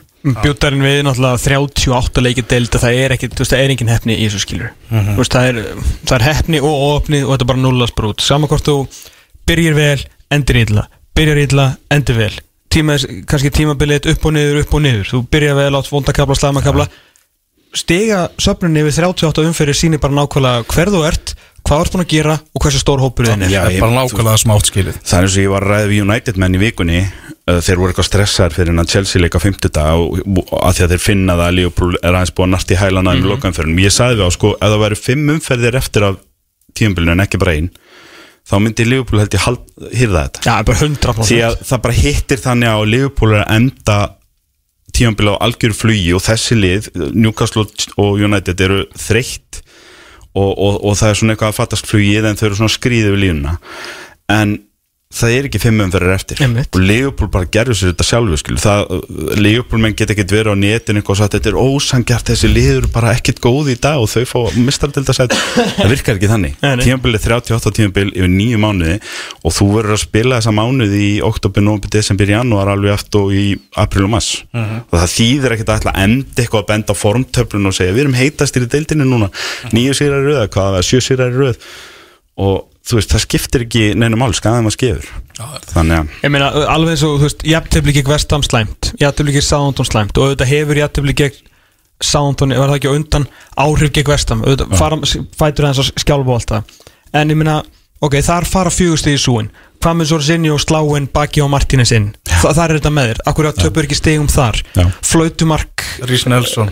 Rhys Nelson gegn Bormoth endurkoma. Flautumark gegn United 3-2 sigur. Skilur, áttu þetta allt skilið Svo tapast því bara yfir 38 umfyrir Stendur uppi það svo ert. Þeir tóku 50 stegi fyrstu 19 Já. það er 100 stegi tímabil en það verður að spila setni helmingi líka. Og við tölum um það að þeir væru sennilega ekki að fara að ná 50 stegum Nei, þú sagðir að ég er í öðrum En þeir enda sko. með einhver 30 eitthvað stig sko, þeir, þeir droppa svolítið langt niður á lokamöndunum En Það er líka bara því að voru ekki með cover til dæmis fyrir Saliba. en það er líka þetta er alveg ástæði til bjart sinni hjá Arsenal. Uh, það er kannski nánast hægt að segja við á sko sögulega þá voru þið gráður að halda þið gætu unnið í ár því að Leicester er eina liðið sem er unnið þetta unnið deildina án þess að lendi öðru sæti fyrst síðan að úrastildin á stofni Já. liðin lenda alltaf í öðru sæti fyrst. Þú þarft að ganga í gegnum þessa eldskýrt og ef Arsenal Nema United endar. En það var að því að þeir unnu við Já, stofn já, ég meina það er Ég það að tala, já, um lið sko, já, já, en, en þú veist, og, og, og svona samkvæmt því þá getum við kannski sagt að tölfræðilega sé þá, þá saga hann strax ekkert með United eða Newcastle eða Liverpool eða Chelsea eitthvað í liði. Ef menn ætla að vinna titil á næsta ári. Það er bara, það voru bara tvölið sem kom til greina sögulega á næsta ári og það er bara að geta að stíu upp og tekið lokaskrifu það er náttúrulega erfitt þegar þetta sittileg er alltaf fyrir þér. Við leifbólmenn þekkjum það. En, en hérna Ég spurði bæði, ég talaði við Trent Alexander Arnold og Andy Robertson með tveggja vegna millibili og reyndi nú að fá svona spurja það mitt út í hérna, þið hljótur nú að skilja hvað Arsenal er að gangi gegnum. Mhm. Trent var svona erfiðari, hann er ekki alveg jafn mælsku sko, en Andy Robertson alltaf frábær. En það var svipur nú aðeim báðum. Þið getur flettið sér upp á maður segir þeir eru búin að hérna, fara ekki í þess að baráttu við sitt í þrísvar vinna einu svona tapa tvisvar, þá meina svona alvöru alvöru baráttu sko. Og hérna og það bara svona svipur og svona uff, bara, bara greið Arsenal-menn. Að hafa, bara svona svipur og sagði ég trú ekki að þeir held í alvöru neður gætu þetta. Við þekkjum þetta mjög vel sko. þetta situr ennþá í nösunum okkur og mun sitja um Auðvitað. nokkuð skeið sko, leifbólmenn eru nánast búinir að jafna sig á því á- árinu sem að Steven Gerrard rann og gaf frá sér titilinn. En við verðum talsvert lengur að jafna okkur á því að hafa farið í 97 og 98 steg og ekki inn í þess að deil ég get alveg sagt það strax og við munum aldrei fyrirkja á það. Við erum bara, við erum að býða eftir hverjum við, veist, við viljum náttúrulega skamma City ef og sitt það í sko. Það vil enginn fá þess að veit. Það er bara, þú veist í- Ímyndaður ef að, ef að dómurum myndi falla þannig að, að sitt í titlanir eru dæmdir að þeim og, og menn myndi vakna upp á morgun til hamingju þið eru líka mestar af 2014, 19 og 21 Já. og United eru mestar af 2012 eða hvað var. Þú veist þannig að United er alltaf konni í 21 titil og Liverpool konni í 22 sæjur eitthvað Liverpool mann fyrir þér snúa Já, sér að næsta United ég- mann ég- og segja ég reyndar "Heyrðu, við erum, við erum með fleiri titla en þið. Reyndar- myndi enginn vera svo óforskammaður sko. Þannig að það, vil enginn sjá þess að titla þetta við græðum ekkert á að fá þess að titla í dag. Ég get reynda nefndi svona þrjá núna sem Ég myndu líklega glóri fagna strax. Báðum Liverpool, megin. Liverpool FC myndi ekki einu sinni setja þess að dollur upp í safni á sér. Muni eitthvað Inter Það voru bara Juventus eitthvað var tekið í fyrra að Inter bara, þú veist, voru ekki eðla fljótir að bara hengja upp á vegg hjá sér og Já það er bara einhver íteskmenning Ég get lofa því Liverpool myndi ekki gera það það. myndi aldrei gerast í Ekki Það myndi aldrei gerast. Gary Neville myndi til dæmis bara. Hann myndi tala um því hvert sinn við Jamie Carter Þú veist þetta bara Og, og allt sko Við erum bara Þú veist ég gæti ekki verið Liverpool stundismæður lengur Því að United menn myndu stríða manni svo mikið Og samt myndu þeir fá eitt líka sko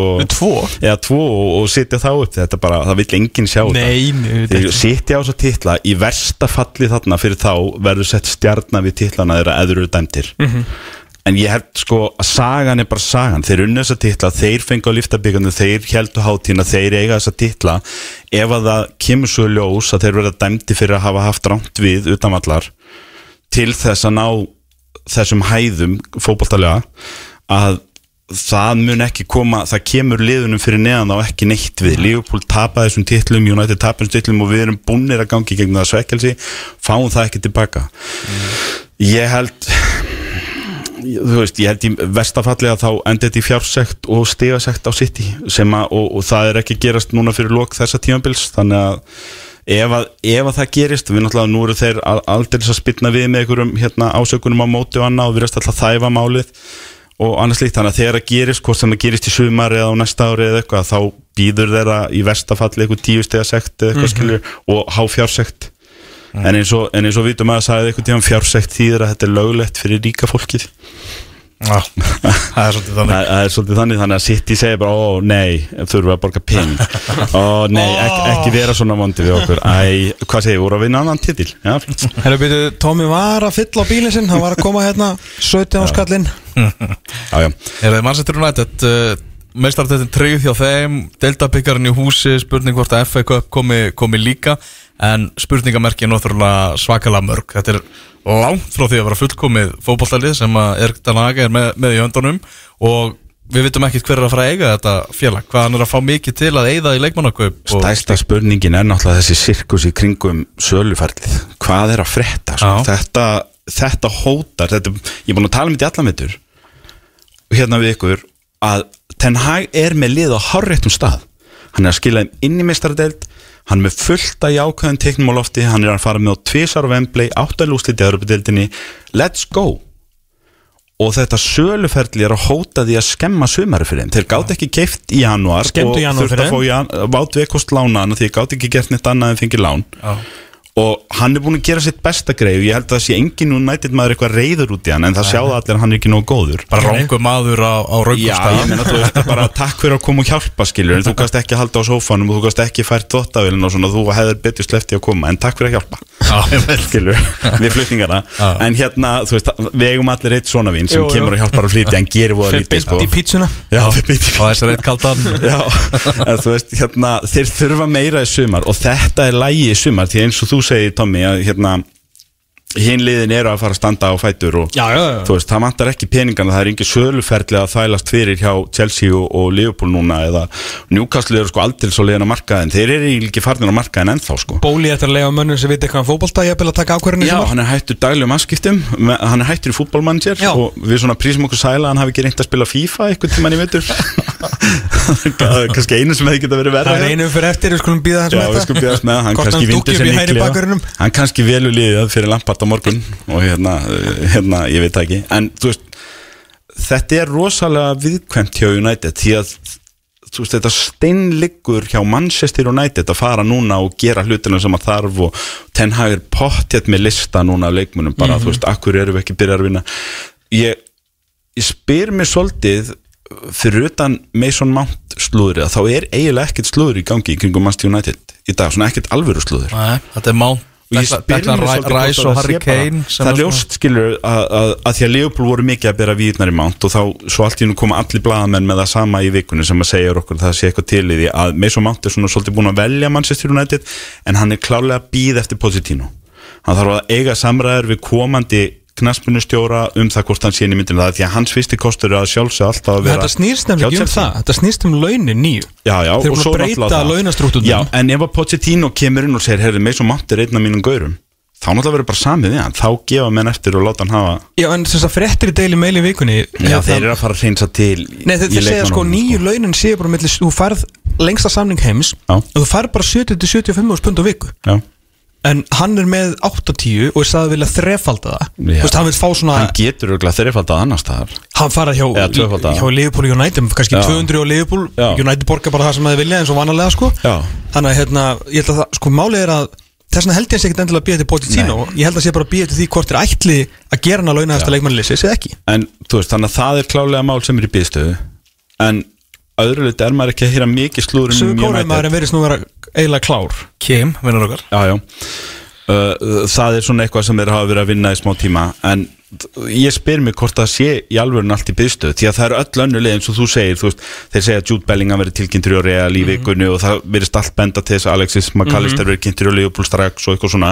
Liðinu byrja að vinna Þau eru örgulega langt komið með eitthvað að díla Sittir og pottit með tvo já. Og um leið og eru búinir að spila úslitaleikin í mestardeldina Þá verða tveir kynntir og eitthvað svona sko. Hérna, hvað er að frétta í United? Þeir hafa ekki efna á því að ætla að segja að við klárum söluferðli í júni og þá fyrir við að skoða leikmenn geta, þú, þetta er rosalega hættuleg staða að þú farir allt í henni inn í næsta tíumbil og treystir bara á Rashford að skora mörkin og treystir bara á Casemiro og Bruno að halda miðin uppi og treystir bara á Martínez og Varan og engin annar getur spila vörðnanda þú veist, liðið er gott en það vantar breytt og það vantar líka meiri gæði í fyrstu ellu -hmm. og þannig að United þarf að gera helling í sumar. En að samaskapið þá náttúrulega verður bara að rósa Ten Hag og þú veist við verum svona aðeins að spóla aftur í nýju mánuð og muna hvar þeir voru í sérsta sumar og upphæða tímubils Má eiginlega spóla tilbaka um 12 mánu Já, og þetta er bara, þetta gat eiginlega ekki farið betur. Eða þeir eru að klára þriðasæti, tvo úslita leiki áttalí úsliti í Európu, þetta er bara frábært. Já, já. og þú veist, frá því sem var að þá eru United í frábært stöður núna er boltin svolítið hjá þeim sem að sitja í stjórnarhreifringinu ekki hjá Ten Hag. Já, það verðist vera svona eins og þeir séu hálf tvístígandi einhvern veginn gleysiröndina þeir vilja ennþá vera einhvern veginn með puttana í þessu verðist vera. Ég er ekki ósamála, var ekki annar þeirra vill selja sig alveg, að vill að selja alveg út og forðið sig bara og hinn vill ennþá vera með puttan í þessu. Já. vill ekki missa glóriinu núna ef að Ten Hag er að fara að gera góða hluti og, og eitthvað svona, við veitum hvernig bandarskir eigendur eru sko, þeir eru svo, þeir elska það náttúrulega að fara upp á svið þegar að liði búið að vinna titilin þeir elska að fá vindilinn og byggarinn og svona sko. Og þeir, eru- þeim finnst þeir örgulega að hafa svolítið mistað því sko. Á, það er svolítið þannig. Herðu, Newcastle fyrir meistaradeildina náttúrulega frábært afrækja á Eddie Howe og svona au- auðvelt að samkliða stuðningsmönnum Newcastle. En enn og aftur, eins og með sitt í stjórnismenn þó svo við tölum um fjármálin eða eigendurna sem að séu eitthvað, sketsi það kemur stjórnismennum ekki við Núkast stjórnismenn get ekki stoppa það sem er að gerast hjá félaginu. Akkur eru þá ekki að njóta þess? Þetta er bara algjörlega þeirra veistla og bara að njóta þess, skilur, bara til hamingju með að þetta sé að gerast fyrir félagið ykkar uh, eins lengi að þið passi ykkur á því að, að, að fara ekki að verja eigendurna endilega en þið með alveg njóta þess að liði eitthvað sé gott í fótbolta. Og það er sko gott í fótbolta. Já, það er búin að vera frábæri í og bara styrtir af, af skinnsemi og, og bara réttu mennundi fengnir inn. Gríðarlega rétt gert, ég var ekkit viss með Eddie Howe, ég held þetta væri kannski svona millibilstjóri Já, Hann var nánast kynntur sem meðjubistu Hann bara vann sér þetta inn ég er ekkit viss sko.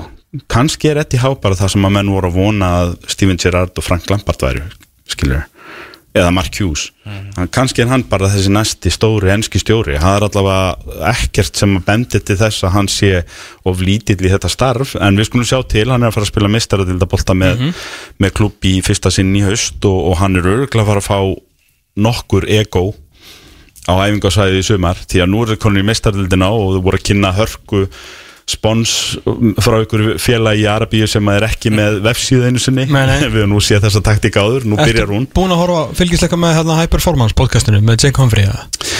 Eh, Nei, sjaldan, þetta er nú svona klippur. Ég hlusta ekki reglulega. Við myndum hlusta á Eddie Howe. Var, var hann hjá hann? Já, bara Ok, okay, hann þarf tóku, tvö Newcastle podcast hann og einhvern annan. Og hérna Kieran Trippier, grannlega gerði þessi ferðan á norður.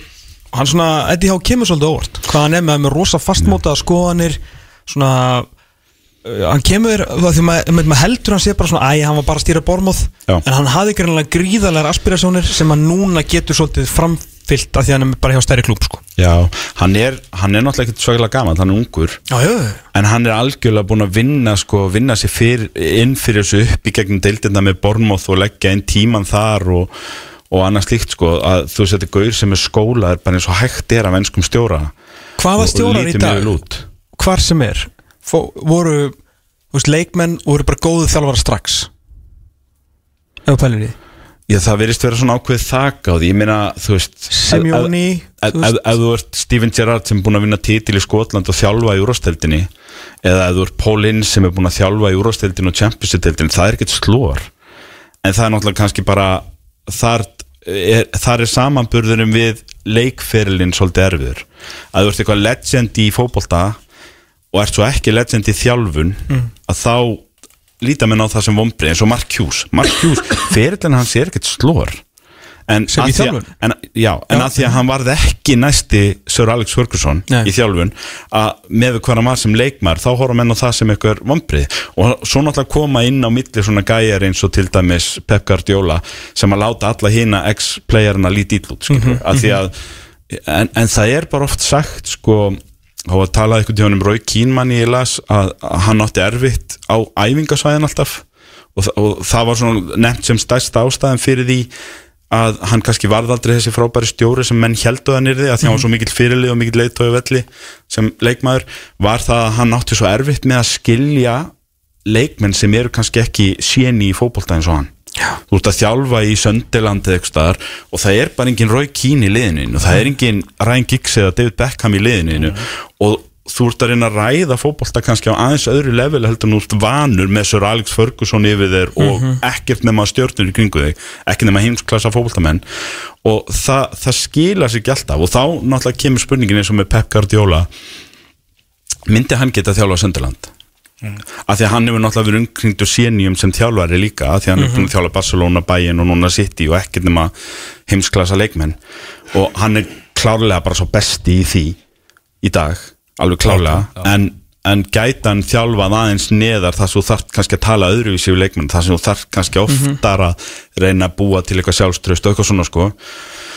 Ég veit það ekki, en það er, það er spurning með þess að fyrrum leikmenn Og pælingi mín var bara sko raun og veru að því að í nýjasta, nei, næst nýjasta hérna, Gary Neville overlap, þá var hann að tala við Rúdvan Nistelrooy Mm. og Nistelrooy að tala um hvernig hann fór út í þjálfun og hérna sagði bara að konan hefði gefist upp á honum. Hann í staðin fyrir að skilja þá bara fór hann aftur að vinna. Og það bara ég get ekki haft því hérna heima sko. Bara please hægt að skipta þær að öllu. Það er ekki fyrir alla, hún gæði maður Nei, nákvæmlega, þannig að þá hann fór út í þjálfun og var búin að taka ykkur stig og byrjar bara neðst bara U15, U17 og U19 og Gary Neville er að spyrja hann svona val, þú veist, langað að fara þessa leið. Finnst þér þetta betri leið? Er þetta eitthvað sem að allir stúið svona börjundu hann bara, ég get náttúrulega ekki talað fyrir alla. Ég vildi bara taka þennan þjálfarastega að þú sér þetta svona, Eddie Howe hérna náttúrulega var leikmaður meiðist fyrir að þjálfa skilur flestir fyrir utan Guardiola maður svo Arteta náttúrulega leik hann var, hann fór svolítið í skóla skilur svolítið hjá Guardiola Já, ég meina það er alltaf mjög stert að geta lært hjá Pep Guardiola í 3-4 ár Það er Áður ok. að tekur þín einlið að ég bara pæla svona skilur þetta er svona aðalega kannski umræðans sprettu kannski svolítið út frá Lampard og Gerrard ég viðkynni það Já, já. svona þeirra uh, Þeir eru svolítið svona þeir eru, þeir eru eina vombriðum vetraðins Já. Alveg pottja því að það er enginlega að lappa frá þessu tímabil og segja Þetta eru efnilegi þjálfarar Nei. að, Þú veist, Gerrard er kannski aðeins meiri súkulagklæna því að þetta var bara eitt félag og það var ekki eins og hann væri þú veist búin að tapa áttæru Nei, Lampard nei, eða eitthvað sko. En hérna en, en á sama skapið þá er þá er kannski byð á því að hann fái svona stóran sjans aftur, hann þarf örgulega að fara núna neðar og vinna sig upp. Og eftir, eftir fjaskói hjá Lampard bæði með Everton í haust og núna með Chelsea þá sé ég ekki einu svona klubb í Championship taka sjans á hann. Heldur að Watford ráðan sem að komast ekki upp núna og verða komast upp á næsta ára annars fara menn bara á hausinn. Reyndar já en það tengist ekki séu klubur sem tækir sens á Frank Lampard í dag? Myndur ekki alltaf hringi Steven Gerrard fyrst? Og myndur ekki alltaf hringi Neil Warnock en þeir hringi annarkotna þessum? Eða var eitthvað í kollinum aðeins sko. Þannig að en, en ég held að pointi þessu sé bara líka það að þú getur aldrei verið eitthvað viss um hvað þú ert með í þjálfara bara því að hann var frábæð leikmaður. Þú, þú getur aldrei hort á þetta og sagt eitthvað að Rói Kín var magnaður knaspin maður magnaður leik og mikill personleiki hann getur þjálfa lið. En sumir geta vita því ég man að á þessum tíma þegar að menn voru að tala um hann og menn voru að tala um Ryan Giggs og David Beckham þá var Sir Alex Ferguson alltaf að segja uh, Solskjær er besti stjórn hann verður besti stjórn af þessum gæ hann sagði það alltaf, ég man eftir því þegar hún mikil, hún var svo skrítið Guðnis sem situr á bekknum hjá þér og, og kemur inn og er súpisöpp og ótrúlega lungin í að skora mikilvæg mörg fyrir félagi hann að pjakkurinn frá Nóri með, með batsandlin Mhm. en svo var það bara rétt. Það er gæðin sem kom og stjórnaði Master United í hvað þrjú fjör ár. Þannig að Eru Liverpool og Brighton fara í Evrópudeildina og það er meiri ánægja með það hjá öðru félaginu heldur en hinnu. Það er óvægt að segja það. Sala bara uh, sá sig knúin til að byggja stjórnins með formulega afsökunar Já. á, á samfélagsmiðlum á meðan Brighton menn eru hoppandi og syngjandi. Frábært tímabil og ég bara aldrei séð aðra eins lofræðu og Pep Guardiola tók hérna á fréttamannafundunum fyrir sitt í Brighton. Það sem hann sagði bara ég horfa, á Brighton til að læra þeim. sko, þetta snýst náttúrulega um væntingar og ég hjó eftir það var grein í vikuna sem var að lesa um launakostnaðin og hvernig hann tengist í hvernig menn hugsa um tímabilin. Mm. og sko Brighton, Brentford og Fulham eru að borga lang minnsta launakostnaðin deildin á samt Bormoth Bormoth halda sér uppi, það voru ekki margir sem veður á það, sérstaklega ekki eftir stjóraskipt í haust. Frábært hjá þeim, hinn þrjúliðin er í, í eurhluta deildarinnar og Brighton er kominir í Európa-deild nei, í, jú, Jú, Evrópudeildina. í Európa-bolta eftir að hafa mist stjóran ofan á það að vera með lítinn launakostnað og lítinn struktúr að þá hérna Chelsea kaupi leikmannaðum í fyrra Tottenham kaupi leikmannaðum í fyrra hérna, svo fyrir Trossard í januar þegar þurfa að skipta um stjóra fyrirvara laust Bara allt þjálfarateymið er tekið, allir bak við teimið er tekið. Að þessi klúppur er bara veginn svo vilreikin að þetta hafði engin áhrif. Og overhettið, yfirbyggingin verðist vera svo rosalega skinsum og góð. Uh, ég, held að, ég held að mörg af stóruliðunum mætti alveg mæta á og fá að svona sitja í bakgrunnum á tveim þreim stjórnafundum hjá Brighton og heyra hvernig alvöru klúpur gerir þetta. Því að hérna, það er ekkert margir af stóru klúpunum sem að virðast hafa hafa þetta hugvit sko. Nei, nei. og, og, og, Spila líka bara þennan fótbolta. Já, já, þú veist, það er, já, einmitt, það er ekki eins og þessu búin að nóða sér upp í sjöndasæti Nei. eða sjöttasæti, þetta er, þetta er búið að vera bara ógeðslega flott hjá þeim fótboltis er að spila og þeir verðast vera með frábært skátingkerfi, nú er enn einn að detti inn Mítóma, það var engin að reyna með Mítóma, svo kemur þessi Enkís og strákur og það hefur orðað við sitt hann er búin að vera í deildin í fjóra mánu Mhm. þú veist, Undaf allt í hennu Já, og hérna, þeir verðast bara að vera með þetta klára. Og sjáðu til dæmis, þeir þegar búin að sko, að því að þeir búast við því að missa McAllister og Kaiseto að þá eru þegar búin að sækja sér þrjá miðjumenni eða eitthvað og, og hérna, þú veist, þetta er bara klubbur sem að virðist bara vera með allt rosalega mikið á hreinu. Og, og það er bara verðskulda og það má bara samklæðjast svona klubbi þegar hann skila sér í Evrópu og svona uppsker svolítið ríkulega fyrir það sem þeir hafa verið að gera. En á móti kemur að það verður kannski smá skotskifa á þeim á næsta ári. Við skulum sjá hvernig þeim reyðir af þegar að, að þegar nú þurfum við að auka breyttina til að geta spilað í Evrópudildinni líka og, og allt þetta Ef við ekki að fara bara í lið ásins áður en við förum í fallbaráttuna Jú, áður en við kíkjum í, í liðin sem að aðalmálið náttúrulega á í lokaumfyrirna á morgun hvað allir leikir 15.30 er blessuð fallbaráttan. Já, ég, ég kem ekki til með að horfa á Liverpool á morgun. Ég, það er bara þrjúlið sem geta fallið og maður er öll með heimaleik, ég ætla bara að vera þar. Já, einmitt, það er verið spennan En förum í, í lið tímabilsins Kristján Alli, þú ætlar að, að opibera val þitt. Já, sko. Smá tilvist að krísa þegar kemur að markmannum að því að augunni með segja mér að Alisson sé bestur í vetur að því að Leopold hefur ekkert geta og þá hefur hann náttúrulega sem er eitt besti markmann heimi skýni svo skært. En mér finnst bara ekki rétt að þessi leikmaður frá Leopold í þessu lið því að þeir hafa verið vombriða ár. Og hérna og það skríti ég var að, að því ég flett alltaf upp tölfræðin líka svona til að sjá hvort ég sé alveg út á túnni með valið og annað. David G er alveg afgerandi með flestar clean sheets. Hann, Aha. hann, hann vinnur gullhanskan og, og með hvað 19 clean sheets.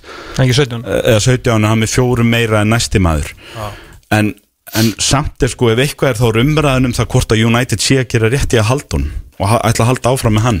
Þannig að þú veist tölfræðin segir ekki alltaf sama á umræðan og kannski það sem augun á mann að segja.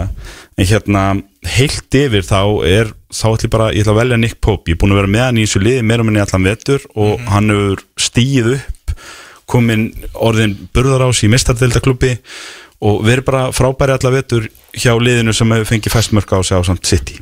Sko, Emmett, uh, ég sammála þessu pluss það að Ederson hefur ekki verið góður. Hann er bara í svo góðu liði að ég held að City með Alisson í markinu hefði fengið á sig svona 20 markastímli Já, því hann hefur bara ekki verið góður.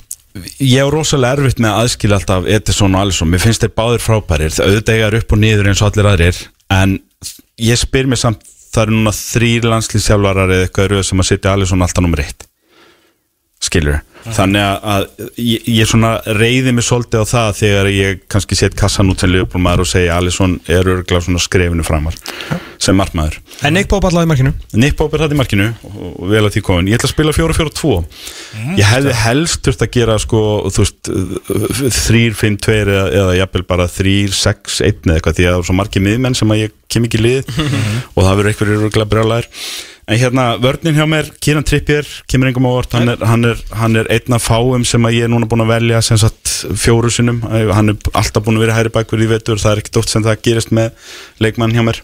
Top 3 í hérna, Chances Created. Er bara frábær. Frábær. Uh, við hliðin hans ætla ég að velja William Saliba uh, sem svona fulltrúa en ég, hann er svona breakout stjarnan í ár líka svolítið uh, hérna, ég alveg getað valið Gabriel líka, þeir báðir síndu svolítið mikilvægi sitt þegar þeir hörfu úr þessu liði núna síðustu vikunar en Saliba fannst mér bara frábær 75-80% af tímabilinu þá til að meðslinn tók hann aðeins út. Og hann er vel að þessu komin og við ekki að gefa honum þá svona rísandi stjarnan velunin Jú við hliðin honum Sven Botman. Já. uh, frábær á fyrsta tímabili í vörninu sem fekk á sig fæstu mörg og lítur greiðarlega vel út Þrýr Og- bjúkostmenn gónur í liði ég kom með þrjá, já, en, en það er með því líka lokið. Já. uh, Einhvers staðar er Ruben Díaz núna brína hnífana? Já, eins og ég segi sko ég, miðverðnir og miðmennir voru vandamál núna en ég er ekki með einn einasta útherja í liðinu sko, það er ekki, þú veist, hérna Mo Salah og Bukayo Saka verða bara fyrirgefa með það en, en þeir komast ekki í lið. Hérna, ég, ég ætla að velja Oleksandr Sinchenko sem vinstir bakvörð og ég er svona, hann er svona Þáttir í dölunna Já, þrátt fyrir dölunna ég, ég ætla að fyrirgefa honum það. Þetta Ok. er pressa uh, mér fannst hann frábær. Uh, Já, ég ætla bara að velja hann þarna. Ég ætla að leifa mér það. Það er reyndar ekkit margir aðrir. Þetta er svolítið, svolítið veikstæði deildinni Já, sko, ég hefði, eins og ég segi, ég hefði geta tekið hann út þarna og haft þryggja manna vörd með bara Trippier, Botman og Saliba Sástu hvað Gary hérna, nei, fymta miðjumanninu séns. Hvernig valdi Gary? Estupinian hjá Brighton? Já, það er gott sjátt líka. Hann, hann var nála tíu Karra mér var með Sinchenko sko. Hann var, hann var nála tíu mér, hann er mjög flottur Já. í vetur. En Sinchenko, flott. Uh, Fjóra á miðjunni og hún er Hvað hún er tígull með nei, nei ég, þetta er eiginlega fjórir, einn, þrýr, tveir. Ok, hérna Býtum maður ekki ska, er Rodri djúpur eða? Já, Rodri, Frábær djúpur. og, og hérna, enn og aftur sko þarna langaði mig eiginlega svolítið bara að taka út varnamann og gefa Casemiro við hliðina á honum, en, en. Rodri þú veist, þannig er luxusvandamál og ég verð að skila Casemiro á eftir. Og ég vel Rodri hérna, hann er hann er sennilega bara besti varnartengilur í heim í dag Ekkert sennilega? Já. Bæja mæl bæja mæl sko, þannig að hérna uh, óþólandi góður eins og, eins og stuðnismenn hinnaliðan að segja Og þegar, þegar menn er farin að nota orðið óþólandi góður þá Já. ertu komin á ákveðin stall uh, fyrir framann hann eru svo Alexis McAllister uh, Kevin De Bruyne og Martin Odegaard sóttjör með Verður ekkert að gerast á vængjónum hjá þér? það Nei, ég bara treysti þessum mönnum Þú ert þeir, bara að spila í gegnum línundar Já, ég, ég náttúrulega er að treysta því að Trippier og Sinchenko komi upplýður upp já, sko, já. og Rodri situr með miðurinu sko, og gangi er vel að komast fram í Rodri og þessum miðurum En hérna, ég, ég bara, ég er að velja þarna kannski minna, ég, veist, ég myndi velja öðru sig ef ég var að reyna að stilla upp liði. Fyrir hvað þetta velja Alexis McAllister? uh, Tímörk, Sex og vítum já, frábær, enga síður. Alltaf þegar þú horfir á Brighton þá, sko, ég hefði getað valið Pascal Gross og ég hefði getað valið hinn mjög uh, vannmetna uh, Solimars Já, mjög. Uh, hérna, ég hefði getað valið Kajsetto þeir eru allir búin að vera góður, djúvill eru Brighton búin að vera góður, Bruno Fernandes. Já, þannig ég er, ég, já, ég er að skilja Bruno eftir þarna. Það er eins og ég segi, það er haugur af leikmennum sem eru fúlið við mig núna Ilka í Gundogan. Já, Ilka í Gundogan. Hérna Ég, ég bara, ég varð að sitja breytum mann hann fyrsta, fyrsta ég kom Lúi Stöng ekki kom Estúbínan ekki mm. ég, mér fannst ég verða að hafa breytum mann þeir eru lið ásins, það er bara þannig Brighton verður að eiga fulltrúa. á Newcastle líka já, gefum, gefum Newcastle í aftöflið þar en, en þeir eru eru líka með nóg af Ode- fulltrúum. Odegaard frábær, Frábær. og Kevin De Bruyne er Kevin De Bruyne ef að það er einhver í þessari deild sem er besti leikmaður deildarna sem heitir ekki Erling Haaland ef það er einhver sem að getur búið til vafa um það hver er besti leikmaður deildin þá er það Kevin De Bruyne. Jöp hann, hann er bara þar. Uh, Mér skeggja með að þú veist að minnast á Öðegard að nú eru menn á internetinu bara svona hérna, alveg að tapa sér tjallarnir þar að segja Mm. í Premier League Stats Comparison hérna, allir að segja bara herðu var þessi síðan bara með þú veist, þessu fleiri stóðsendingar en þessi? Þú veist, reyna að sína fram á okkur. Herru sá- ég sagði í morgun þetta nú samt bara ná, frá okkur í gæði með veist, 17 followers sem fekk samt eitthvað traksjón skilur eða kom upp hérna fór í útálknum Kristján Eriksen og með fleiri stóðsendingar heldur en Martin Ödegard já, hann bara að að spila í vittur Já, svo munar líka um mörkin. Það er 15-1 sko. Þetta, eru nýju goal, hérna, goals created versus 23 Þetta er náttúrulega vandi við svona tölfræði. Menn geta alltaf fundið eitthvað sem að sko hendar þínu agenda. Þannig getur alltaf verið eitthvað, já við vorum umulegir en, en Steven Gerrard er með stærra skónum en Paul Scholes og eitthvað skilur þetta er þess þegar menn reyna að segja sko hérna John O'Shea var með fleiri titla eftir en Steven Gerrard og svo skjóta Liverpool menn á móti sko, Jimmy Traore var mestaradildina en ekki hérna, Roy Keane eða eitthvað og þú veist, þetta er svona bullshit tölfræði Ég skilur. veit. þú voru að horfa menn spila líka. Þú mátt ekki bara flett upp tölfræðinu þá, þá þyrfti maður ekkert að velja svona lið. Þú, myndir bara skoða hver er með flesta stóðsendingar að það eru miðmennir Og gerði það líka allt með bandið. Já, þú bara, hann er með bandið hjá þessu unga liði sem að steig þvílíkt upp í vetur. Með með ekki mu- gleyma hvað Arsenal voru fyrir ári. Mitt og alltaf þegar maður horfir á að spila þá, þá lítur hann út eins og besti maður með vellin nema bara þegar þetta brunir að spila mótan Og þessi, þessi hérna, Ben White, Saka hérna, Ödegard svona þessi ringur hérna sem er mynda á, á hæri vagnum. Svakalegt sko. svakalegt konfekt. Þannig að þeir eru bara vel því konir Hverjir eru frammi? gríðarlega óvænt. Hann segist vera með tvo frammir vil ég gíska Náttúrulega Rassford átti gott tíðanbil já já. Uh, Ég, mynd, ég trúðu mér. Ég myndi velja Ferguson. Ivan Tóni ef ég gæti. Eins og þið vitið þá er ég á já, já. Tóni vagninum. Ég gæti, en ég má það ekki því að það eru náttúrulega bara tveir sem að eru afgerandi. Og það gildir eiginlega saman Tottenham og Liverpool. Það á í rauninni þú veist, það á í rauninni bara að vera disqualification á leikmenn frá Tottenham eftir þetta tímabil. En Harry Kane er bara búin að vera svo góður á hann í kleina sko. Já, hann bara, þú veist, þannig að það liggur við að maður lappin klefum og segir þegar ég skammast ykkur, ekki þú Harry, það eru kleinur hringið flekkið frammi, býtu bara aðeins ég verð Þeir fljótur. félagarnir og svo heldur maður hann að skamma hérna Framlýnaðin sko. er að bjóða upp á 54 mörg á tímbilinu Já, þú veist, þetta er náttúrulega bull val hjá mér sko. Mjög umdelt svo var reyndur að Krína Holland bæði besta leikmannin og besta unga leikmannin núna í hátteginu uh, Fekk Holland ungu líka? Já, það var á detti hús bara núna meðan þið voru í loftinu. Ah, hann ok, er bæði. Og, og, og eins og ég segi ég, ég var svona, þú veist, hver getur verið brjálæður í hann sé ungi leikmaðurinn líka. Hver er eitthvað svona, þú veist, Saka. geta Arsenal menn verið eitthvað að búka og saka? Já. samt ekki, þetta er, þetta er Holland, þetta er bara galið sko hvað hann er búin að vera góður. Veist, ég, Er- er, ég er búin að koma inn og ég er búin að reyna að velja hann ekki. Ég valdi hann ekki síðasta að því að ég vildi koma Ol- já, mannstu ég var já.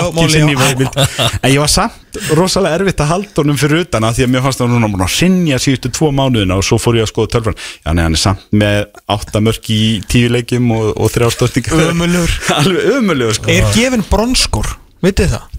Veit ekki Ef til er það eitthvað sér íslensdæmi? Ég held að það sé bara Íslands, það er ekki bara guldskóra eða ekkert í Æ, ég var bara svo til í held einhver það. þurft að fara heim til Ívan Tóni með bronskóin Ef að Sala skorur ekki Það væri gæðið sko. Já, já Sala gæti náttúrulega stólið með tvenn á morgun Já. Eh, Hérna, já, hann verður að skora tvö til að fara fram úr honum því að Tony mæntarlega er búin að spila færri leiki En eitt samt að þið vorum að tala um markaðastu Holland auðvitað fyrsta seti með 36 Mo Sala uh, hrikalega lélegt tímbil í honum 19 mörk í dildinni Já, sko Sala er ekki Djók, búin að, sko. ekki búin að vera eins góður og hann getur en hann er samt búin að skora meira en allar hittirnar ykkar þegar maður horfur á hinliðin sko, það, við megum bara ekki gleyma því á, á hvaða leik En alltaf þú segir Sala fyrir úrið á stað. Hann var húrið að taka það hann náði hann ekki 30 gólu involvements núna bara eitthvað 15 ári í röðu eitthvað bara um daginn? Ég, uh, sko, Í öllum keppnum? 30 mörg uh, 30 mörk, já. í öllum keppnum hann er náttúrulega með hauga stóðsending líka Já, já, já. það er náttúrulega hann, hann og Kane hafa verið svolítið sérflokki að frammerjum síðustu árin með það hvað þeir leggja líka mikið upp sko. Ég ætla að segja sko Holland 36 fyrsta seti Sala 19 mörk fjóruða En bara fyrir okkur ennsku landslismennina Harry Kane, Ivan Tóni, Callum Wilson, Marcus Rashford ræða sér í 2, 3, 5 og 6 já. Nóðu mörkum frá englendingum. Já, ef að Gareth Southgate hefur áhugað að spila sóknabólta þá eru leikmennir hann til Hver staðar. veit, það geti eitthvað sem að gerst meira að sóknabækverðir og svona en, En nákvæmlega. við skulum sjá til. Eru rendur ratti við liðið fyrir okkur? Heru, þannig að það, ég er búin að setja síman í vassan það er. Nick Pope í markinu Kieran Trippier, William Saliba Sven Botman og Oleksandr Sinchenko miðjunni Rodri situr og getur þá sjaldan að hinn er missa boltan og fyrir framan hann eru Alexis McAllister Kevin De Bruyne, Martin Odegaard frammi eru uh, Erling Braut Holland og Harry Kane, The Kane Train. Þannig að það er alveg hægt að setja ykkur að boltan í tegin Já, Hver að stýra þessu liði?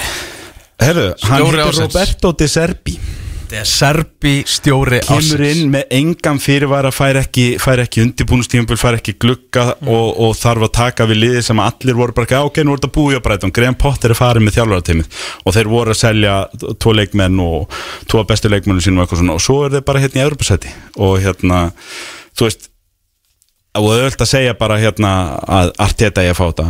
Nei, það er líka er auðvöld bara að segja að DH ég að fá þetta og ef að Guardiola tekur þrenna og auðvöld að segja að hann er að fá þetta Ten Hag kemur alveg til greina líka, frábær uh, hérna uh, hann Marcos, uh, Marcos Silva hjá Fulham, vel að þessu komin Unai Emery.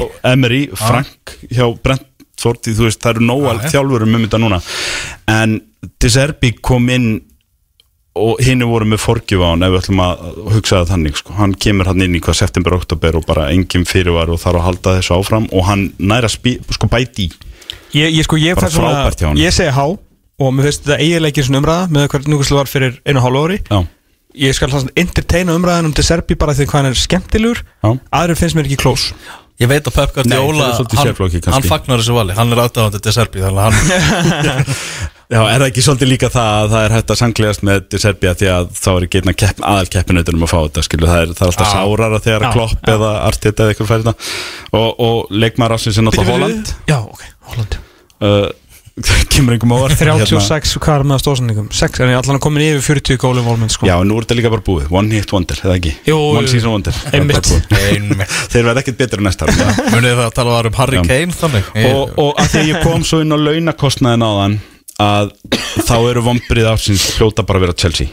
Ég, ég hugsaði með mér meira að segja ef að Everton og Leicester falla, annað er að hlýtur að falla að þá skáka það eiginlega samt ekki þessu Chelsea ruggli sem búið Þetta er ekki umræða sko. Að eigða öllum þessum peningum og vera með næst mesta launakostnaðin í dildinni og þetta lið sem hefur aldrei veist, þeir endur einu sem þarna í áratöðu eitthvað áður en að, Abramovich skipti félagi að þú veist, þeir eru í 12. seti og eiginlega bara svolítið hefnir að hérna hafa unni 2-3 leiki að veginn í janúar því annars hefur þeir verið fallbartu þetta er bara galið og, og ég held við munum aldrei sjá þetta aftur. Þannig að þú veist, það liggur við að maður segir við Chelsea menn takk í mynd til að eiga minningunum í dag. Og ef þið viljið þá getur svo fann í fjör og brentana í haust þegar eru orðin góður aftur En þú vilt ekki að Pochettino skrifi 43 á blað og reyna að bæta það á næstu ári. Svona, það er ekki það, er er ekki ekki, það er ekki tellas og póster. Nei, nei, nei. það, það, er, það er ekki hérna, hæft til undan elsis nei, nei. Förum við í, í fallbarátuna. Everton er rétt fyrir ofan punktalínu sem stendur með 33 stig. Leicester og Leeds eru bæði með 31 stig. Leeds með talsvert lakari markatölu heldur en Leicester. Loka leikirnir sem að þessi liði eiga Það er Everton Bournemouth. Það er Leeds Tottenham og það er Leicester Vestham Heimaleikir hjá öllum, öllum þessum liðum. Áhugavert líka að þetta eru þrýr mótherjar sem að gætu í rauninni allir verið konni í sumafrí Mhm. í huganum. Já, þannig er ekki, það er ekki Arsenal eða, eða eitthvað í heimsókn. Uh, Vestam er að hugsa um úslítalegi Európu Mhm. uh, þú veist, þetta gæti alveg verið þrý sýrar og þá náttúrulega bara nægir það ekki í Leeds og Leicester. Næ nei, sko, það Þeir er að segja, verða að vona Everton Everton- fellir Leeds með jættefli Já. þá er ekki sens en þá getur Leicester tekið þetta á markatölu. Já. Þannig að Everton verður að vinna Þetta er bara, þú veist, það er breytt í þessum þremur sem bjarga sér En þeir geta, geta ekki tværið þannig inn. Þeir verða bara að hugsa með sem við verðum að vinna. Þess, þessi, Þetta verða bara rosalega leikir Og þetta verða þrýr vellir Sem að hljóta vera bara Þú veist, bandbrjálaðir. Ef, ef að stúkurnar er ekki að trilltar Fyrir þessa leiki Þá, þá eiga liðin bara skilja að fara niður. Sko, Ef- maður horfur át og maður sér Guttisson og Elland Róti Já, hinum, og King Power verður svo bara eitthvað flatur völlur þá eiga þeir bara skilja að fara niður. En svona þú veist mér finnst nánast eins og öll þrjú liðin skilja að fara niður, ég er rosa erfitt með að skilja að og segja eitt af þessum liðum sé betra en hinn. Mér finnst þetta bara, bara hörmungar tímabil hjá þeim öllum hörmungar tímabil að því að það er ótrúlega illa búið að vera staðið að málum síðustu 2-3 árin og þau, þetta er ekki bara eitthvað slís síðasta hálfa ári Nei. hjá neina þessum félögum. Þetta eru allt félög sem eru búin að stefna þangað og eru búin að daðra við þetta í tvö ár og eiga nánast bara skilja að fara niður. En þú veist það er rosa margt þú veist eins og það að í, þetta er í fyrsta sinn ég man ekki hversu lengi 15 ári eða 10 ári eða eitthvað sem að enginn af nýliðinu fellur. Já. þau halda sér öll uppi. Þannig að og, og Lester ef að þeir fara niður sem ég var búin að nefna hérna held ég síðast þá sitja, eða, jafna þeir metið að það eru liðin sjö ár síðan þeir unnu deildina og þeir falla. Það var aldrei liðið svona, liðið svona stuttu tími nema hann einhvern tíðan 1950 og eitthvað. Mm -hmm. einhvern liðið Wolves eða eitthvað sem að vann dítilin og fjall svo sjö árin setna og þeir geta jafna það met eða þeir falla. Ef að Lester og Everton falla að þá er það met að sem sagt flestir titlar ef við tölum deildir og byggara á Englandi í sögunni sem hafa fallið á saman tímplinu það var aldrei svona margir byggarar í sögu félag að fara niður úr úrvasteldinu, úr ræstu deild ef að þau tvö falla. Þannig að þú veist, svona sögulega ef maður skoðar þessa sögu, þá segir það okkur að þetta er, þetta er svona einhyrningur þetta tímambil, hvaða eru stór lið að dæra við það? Sáðandun er búin að vera upp í áratug og þeir eru að fara niður og tvö af þremur af hinum sem eru mjög stórir og róknur grónir klúpar, þú veist, þeir eru klárlega topp svona 15 í Englandi allir þrýr og eru tvöða meira að fara niður, hvaða tvöða verður verður að koma í ljós, en, en þetta er eiginlega svolítið svona söguleg fallbaráta upp á það að gera. Stórir líka, líka bara svo lélegt af þessum liðum að því að Bournemouth og Nottingham Forest fengu á endanum bara all, e, so far 39 og 37 stig. Já, skilur, hinlegin eru bara rétt að gæla við 30 múntana þú veist, Nottingham Forest með fullu yfirring fyrir Nottingham Forest og Bournemouth eigaðu ekkert að vera áfram með sér deild bara út frá hvernig Nottingham Forest gerði þetta. Meina, til hamingju með þessi 37 stig það dugði á þessum tíma á þessu tímbili en að fá inn nýtt, heilt nýtt lið fúlam er búin að reynda á fjall Bournemouth skilur eftir að tapa 9-0 og stjórinu burtu auðvitað áttu þeir bara að fara. Já. Everton, Leicester og Leeds eigi ekki verið að bjóða upp á það að vera að fara að falla á lokadegi með Nottingham Forest og Bournemouth fyrir oss Ég er búin að vera að horfa svolítið á, á þessi lið. Ég, ég, ég, horfði á Lester þegar Leopold kom í eins og til að þarna fyrir tæpnu höfumengum og þeir voru að vera horfði- Ég horfði á þann leik, ég var eitthvað stressaður fyrir hann og svo þegar hann byrjaði þá var bara nei á alvöru þeir geta bara ekkert. Ekkert og Leopold tók þann leik með vinstri. Ég er náttúrulega eh, Fullt og ég- fótboltaköllum í liðinu eins og ég liðið er svo hér, þá er ég svona uh, lýtsur og svona svolítið bjeliðið mig Ah. en ég er búin að horfa á þá og ég er verið settur í þá mjög erfiðu stöðu að þurfa að halda mig sam allardæs síðustu fjóra-fimm leiki. Já. og þeir geta bara ekkert. Nei. það er svo mikil stemming á vellinum. Ég horfði á það gegn Wolfsundaginn, svo horfði ég á gegn Newcastle. Og þetta er bara einhvern veginn, það er stemming og leikmennir að reyna og það er þú samanlataði sem er hugmyndir á, á, á hliðalínu og annað og svo bara ákveður Junior Firpo og bara setjast á rassin og segja, gerur svo vel skórið tvö og ég ætla að fara raut og, og eitthvað svona, þeir eru bara það lélegir og það hauslusir og það sama er með Everton, þetta lið er búið að fá mjög grút af tækifærum til að bjarga sér síðustu tvær vikunar nei, nei, síðustu tvo mánuðina og þeir bara geta það ekki því að þeir eru bara ekki nógu góðu til þess þannig að þú veist, fyrir mér sko í rauninni þá, að því að ég horfum svolítið á Championship-deltina líka og fylgist menni og það er náttúrulega playoff-leikurinn í kvöld þar uh, Coventry og Luton sem að fyrir mér eru bara eiginlega tvölið sem að alveg koma upp sko. Ég er bara þar, ég myndi eiginlega bara vilja taka þau bæðu og, og, Og og senda þess að þrjá klúpa niður. Því að ég er líka þar. Ég, sko kannski þarf, ég veit ekki með Lester ég er ekki viss um að Lester komi upp strax aftur, ég vil að minnsta trúa þeim en ég held að Everton og sérstaklega Leeds nei hérna sérstaklega Everton og svo Leeds líka eftir ruggli á þeim undafarið hafi eiginlega bara nánast gott að því að fara niður og segja vil ég gera svolítið endur hugsa ykkur bara frá A til Ö? Því að hvað haldið að gerist ef að Everton halda sér uppi? Þeir eru ekkert að fara að læra. Þeir munu bara reyna að ná sér tvær stjörnur í sumar sem eru náttúrulega stjörnur hjá þeim eru alltaf ykkur leikmenn sem eru orðnir útbrunir hjá Manchester United og, og, og Arsenal eða eitthvað og hérna, og halda allt verið gott og, og, og halda áfram að ljúa sjálfum sér að þeir séu með eitthvað bakur sem er betri en bakurinn hjá Liverpool eitthvað, þeir eru alltaf í þessum leik. Uh við erum með Calvert Lúin og hann eru bara betri heldur en Cody Gappo eitthvað, þú veist. Ég- Þú veist, þetta, þetta er bara mest í blekkingaleikur í gangi í deildinu núna er hjá Everton og þessi klúpur þarf bara eiginlega í alveg að fara niður. Ég held sko að þarna bara það mesti skellurinn af, fyrir, af þessum félögum fyrir Everton að fara niður bara út af fjárhagsmálunum hjá þeim þeir eru að byggja nýja Já, leik þeir eru samt bara það stór og klúpur og ég held þeir fari strax upp. Þeir fá fallívar Þeir eru þegar, í, þegar í fjárhagsmálunum Já, og, þa og það náttúrulega er önnur umræð í þessu. Ég var einmitt að hjó- eftir því að því að við náttúrulega tölum með City og ákjörðunar og þeim og það setja svona einhvern blett á það að þeir sé að vinna titil. Everton er í þessari fallbaráttu og það er sko, þeir voru, þeir eru einu órastildaliði sem var dæmt, eða sem sagt kært fyrir að hafa falsað, ef ég skilði það rétt ég reyna íslenska það sem ég las úti uh, skilaðinn fölskum ásreikningi fyrir árið fyrir að hitti fyrra til að reyna að fela tapið, af því að þeir mikið tapa í úrastildinu nema ákveði miklu án þess að lenda í sekt og stigasekt og þeir földu það þannig að þeir eru ákærðir og það sama kom fyrir nokkru mánuðum áður fyrir redding í Championship-deildinni og þeir voru dæmdir og fengur 60 að sekt þannig að, að menn segja að sé svona yfirgnæðu til líkur á því að Everton fá þessa 60 að sekt en hún kemur ekki núna fyrir lóktíðanbilsins og það er kannski bara það sem er að halda þeim uppi. Og, og menn segja sem sagt að, að þá væntala það er svona yfirgnæðu til líkur á að það býði mínus 60 eftir Everton eða þeir byrja tímanbilið í haust eru ennþá í rústildinni eða þeir falla þá býða þessi 60 eftir en þeir eru komið upp.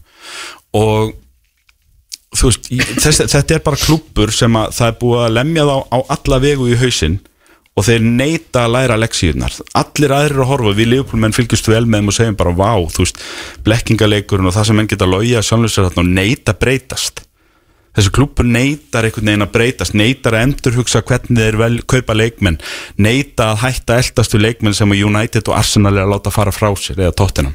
Skilur, það er bara strategían hjá þeim og svo er verið að reyna að finna eitthvað svona, að mér svo tíkis eitthvað og þá að vera eitthvað frábært en, en endist aldrei því að Everton er ekki fyrsti valkostur á neinum af þessum gæm í staðin fyrir að horfa á hvað Brighton er búin að gera eitthvað, þeir gætu verið með Brighton mótilið og Everton er klubur á þeirri starfgráð ef þeir væru skinsamri í þessu þá væru þeir þeir væru klubur sem gætu náð alveg bara í hæstu hæðir. Þeir gætu verið, sko Brighton þeir gætu verið Villa, þeir gætu verið Newcastle þessuna en þeir bara neita að læra leksvíðnar og þetta er kannski bara það sem þeir þurfa. Það grátt bróðslega við þetta er að þeir náttúrulega eru búin að vera að reyna þetta. Þeir, mm. þeir eru að eyða, þeir eru náttúrulega vera að FFP þá, Já. að þeir eru búin að vera að eyða eins og lið sem ætla sér að minnst okkur til top þeir er 6 alltaf í mistældildin á hverju ári. Já, og sækja sér leikmenn eftir því í en nú er að, kostnaði en er ekki að gæðum. falla með þú veist, budget á við lið sem allir í Európu og eins og þú segir, þetta náttúrulega ef þetta hefði gæst í fyrra hefði það hreinlega verið skára heldur núna því að þessi völlur, nývöllurinn er alveg að krista fjármálun hjá þeim núna. Já, já, þannig að Everton er kannski bara klubbur sem að eður fara niður að þá verða þær að fara upp á næsta ári þegar er fásess að fallið var greiðslutnar til þess að milda fjárhagslega höggja því að fara niður en þeir fá það bara í eitt ár og eður fara ekki upp á næsta Þá ár fá þeir aftur þrjú. eður færu niður Já, en það minkar alltaf Min- ár frá minnkar, já, já, já.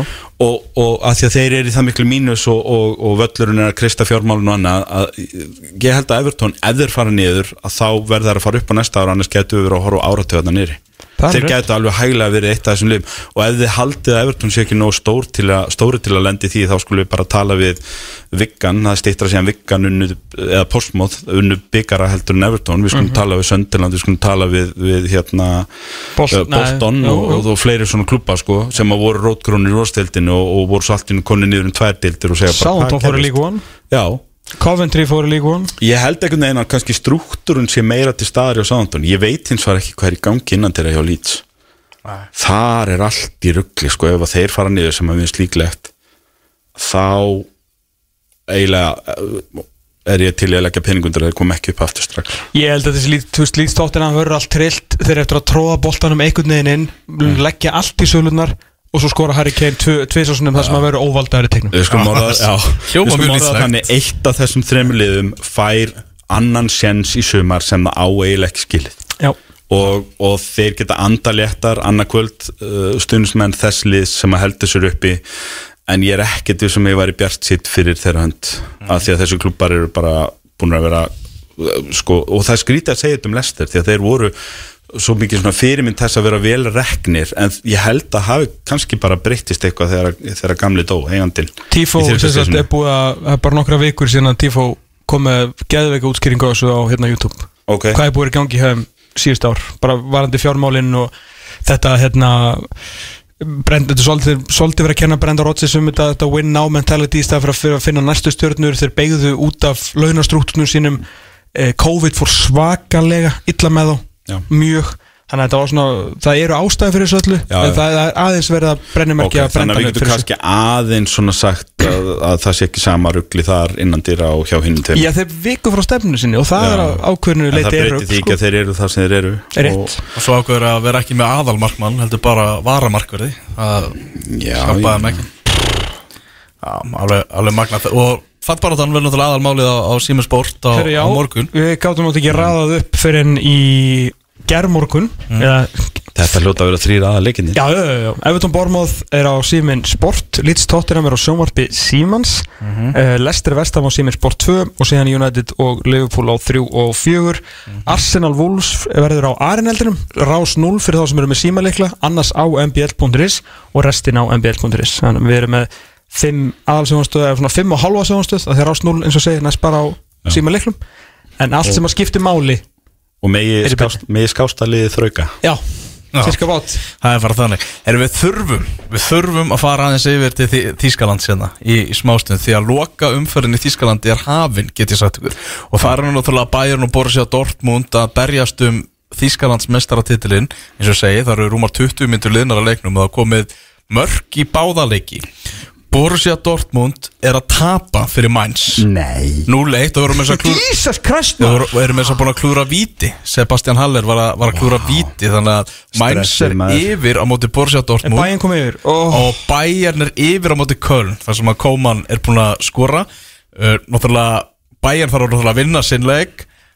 Borussia Dortmund þarf að vinna sinn leik.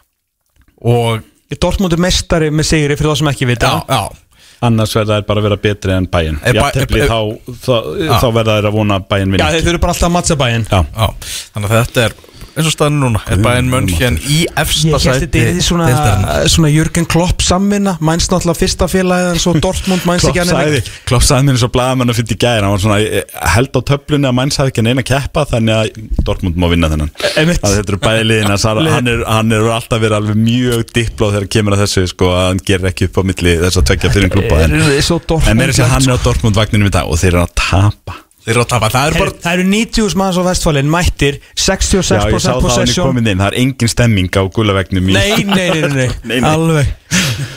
Já, en, en það er bara 23 ármyndu búlar þetta voru er að sko, sveip ég er sko að fara að bruna heim og horfa á setni ég- það er einskott að það er klúrisk Já, Já, og svo, og svo er það vembli í kvöld. Þetta er, þetta er fólta dagur já 15.45 þá byrjar, byrjar leikurinn í, á Wembley. Já Þetta er ekki bara þryggja daga vistla og svo, svo er náttúrulega lokaðum fyrir nýjanska morgun og svo er íslenski á mandaginn Já, sunnudag og mánudag. Já, já, jú, það er mikið alvöru bank holiday hjá okkur. Ég sendi konu bara SMS, hún fyrirgefur þetta honum. Sjáumst á þriðutæn Sjátt að drif Það er bara þannig.